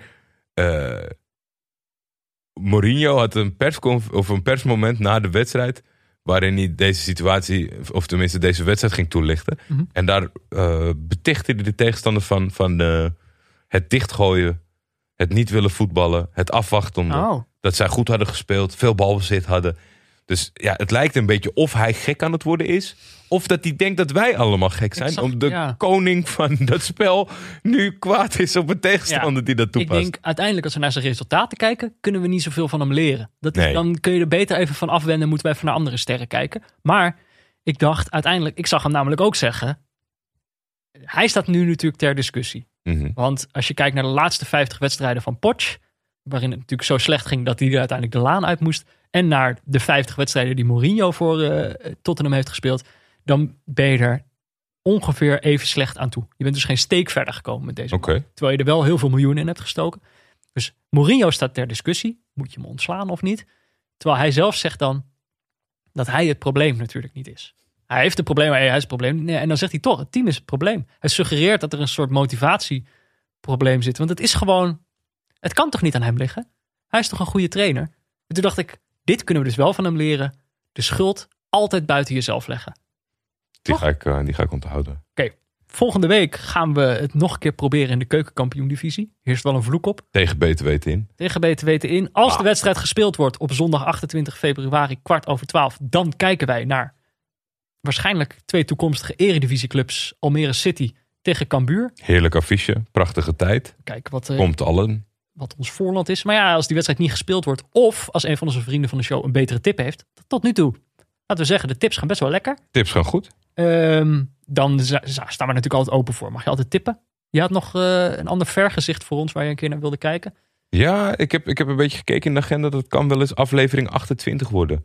Eh, ik zag dat de kraker in Casablanca op het programma stond. Ja. Widat versus Raja. Dat zijn eh, ook twee clubs waar menig mensen het blijft retweeten van hoe indrukwekkend het daar op de tribune is. Dat zal anders zijn. Ja. Maar ik ben wel heel erg geïnteresseerd in, in die strijd daarom. Nou ja, het, eh, ik, eh, het, het, het is muziek, eh, hoe zeg je dat? Klinkt als muziek in de oren. Ja, nou precies. Nou ja, en voordat we de aflevering afsluiten, moeten we natuurlijk altijd nog heel eventjes, toch eventjes kijken in Portugal. Hoe het daar gaat. Vargim, Ja, even kijken. Oh, ze zijn er nu Oh, ze zijn een half uur bezig. Vargim is, zat- as we speak, aan het spelen. Een superbelangrijke wedstrijd tegen Sporting Covilha. Dit is eigenlijk, kijk, ze staan ruim onder de degradatiestreep nog altijd. Vier, Nee, vier het punten. valt wel mee. Vier punten. Ja, maar we zijn er nog lang niet, Peter. Nee, maar- 17, eh, 20 duels. Nou ja, maar kijk, als je het nu verliest van Covilha, dan is- zijn die Ja, vier punten bij zeven punten. Dat, dat, ja. Dus het is gewoon een heel belangrijke pot. Mathematisch niks. eh, en, eh, maar jij checkt het nu. Ze zijn nu aan het spelen. Ja, ze zijn bezig. nu. eh 21 minuten gespeeld. Ah, verdomme. Wat? 0-2. God, Gilberto en Lewis 1-0. Nou, dat kunnen we wel weer vergeten. Edgar Ja, Davids, hoe doet Edgar Davids het een eh, divisie lager? Oh, Oh, Janense. fantastisch, fantastisch. Een 2-0 zegen, een clean sheet. Het was een perfecte wedstrijd, heerlijke dag. Ik zag een foto voorbij komen. Ja, staat hij daar als een eindbaas eh, in... eh, Mooie jas. Ja, absoluut waar. Dus nee, het, het, het, het, het, het ziet er perfect uit. Ik ben nu zelf weer voetbalmanager zover dat ik nu weet wat een beetje de bedoeling is. Eigenlijk gaat hij zich wel kwalificeren voor play-offs. En dan kom je in een pooltje terecht met drie anderen. En dan moet je die pool winnen. Dat is nog heel ver weg en heel moeilijk. Maar Poolvoetbal is een wereld op zich, hè? ik zie een stijgende lijn waar je u tegen zegt, eh Olanens. Geweldig. Nou, dan eh, is er genoeg om naar uit te kijken. Eh, en voor nu was dit Neutrale Kijkers. Natuurlijk mede mogelijk gemaakt door Dag en Nacht Media. Hoofdsponsor op de borst is Auto.nl. De muziek is Tachanka van Leon Lischner en Friends en een adaptatie daarvan van Studio Cloak. De gegenpressing jingle is van Laurens Collet. De diepteanalyse is van Pieter Zwart en de artwork is nog altijd van Barry Pirovano. Eh, wil je meepraten? Dat kan. Je kan ons volgen op Twitter via @buurtvader of @defef. Je kan ons mailen op neutralekijkers@gmail.com of je kan dus eh, een berichtje sturen via vriendvandeshow.nl/slash neutralekijkers. En eh, daar komt dus, ja, we moeten, moeten technisch nog fixen, maar er komt een bonusaflevering aan. Bonusaflevering. Ehm, En daarna komt er, daarnaast komt er nog wat, maar daar moeten we nog even Ja. een datum voor prikken. En verder, hou afstand. Blijf neutraal. En, eh, volgende week zijn we er weer. Ehm, nog twee dingen. Ik hoorde Laurens Collet. Die zat eh, op Clubhouse, de nieuwe app. En die werd in de Clubhouse room werd hij herkend als de maker van de gegenpressing jingle. Wat Dat is kut. een goeie, hè? Dat is één punt. Sorry, Lauren. Dat is waar, waar hij de rest van zijn leven om herkend wordt. Eh, Het kan echt zo'n mooi moment worden in de documentaire. Dat je heel veel belangrijke dingen hebt gedaan. Dat iedereen zegt, Sugarman. dat is die, Searching for Laurens Collet. dat is die jongen van de Cake and Pressing jingle. Ehm, en de andere was om toch ook aan te geven hoe, hoe goed onze vrienden van de show zijn. Ik kreeg van Bert Depla, Ja, natuurlijk echt eh, vriend van de show. is- zeker. Mm, die eh, stuurde mij begin deze week een mailtje dat het pollenseizoen weer was begonnen. Ik heb vorig jaar rond deze tijd in een aflevering laten weten dat ik last heb van hooikoorts. En dat was toen nog een beladen ding. Omdat ik dacht, ja, nou ga ik eh, niezen en snotteren. En denkt iedereen dat ik eh, het coronavirus heb Ja. opgelopen. Ehm, en Bert die heeft dat dus onthouden. En die, eh, die leefde met mij mee dat eh, het pollenseizoen was geopend. En ik kan al zeggen, Bert, ik, eh, ik heb de eerste kriebels van de pollen alweer gevoeld. Dus ja, helaas, dan wordt het lekker weer en dan ga ik weer afzien. Mooi. Mooi. Mooi dat hij daar aan gedacht heeft. Ja, hè, dan is het toch de band die we opbouwen. Dat moet je niet onderschatten. Nee, ons Mensen weten mijn hele medische dossier uit hun hoofd. Na zoveel afleveringen.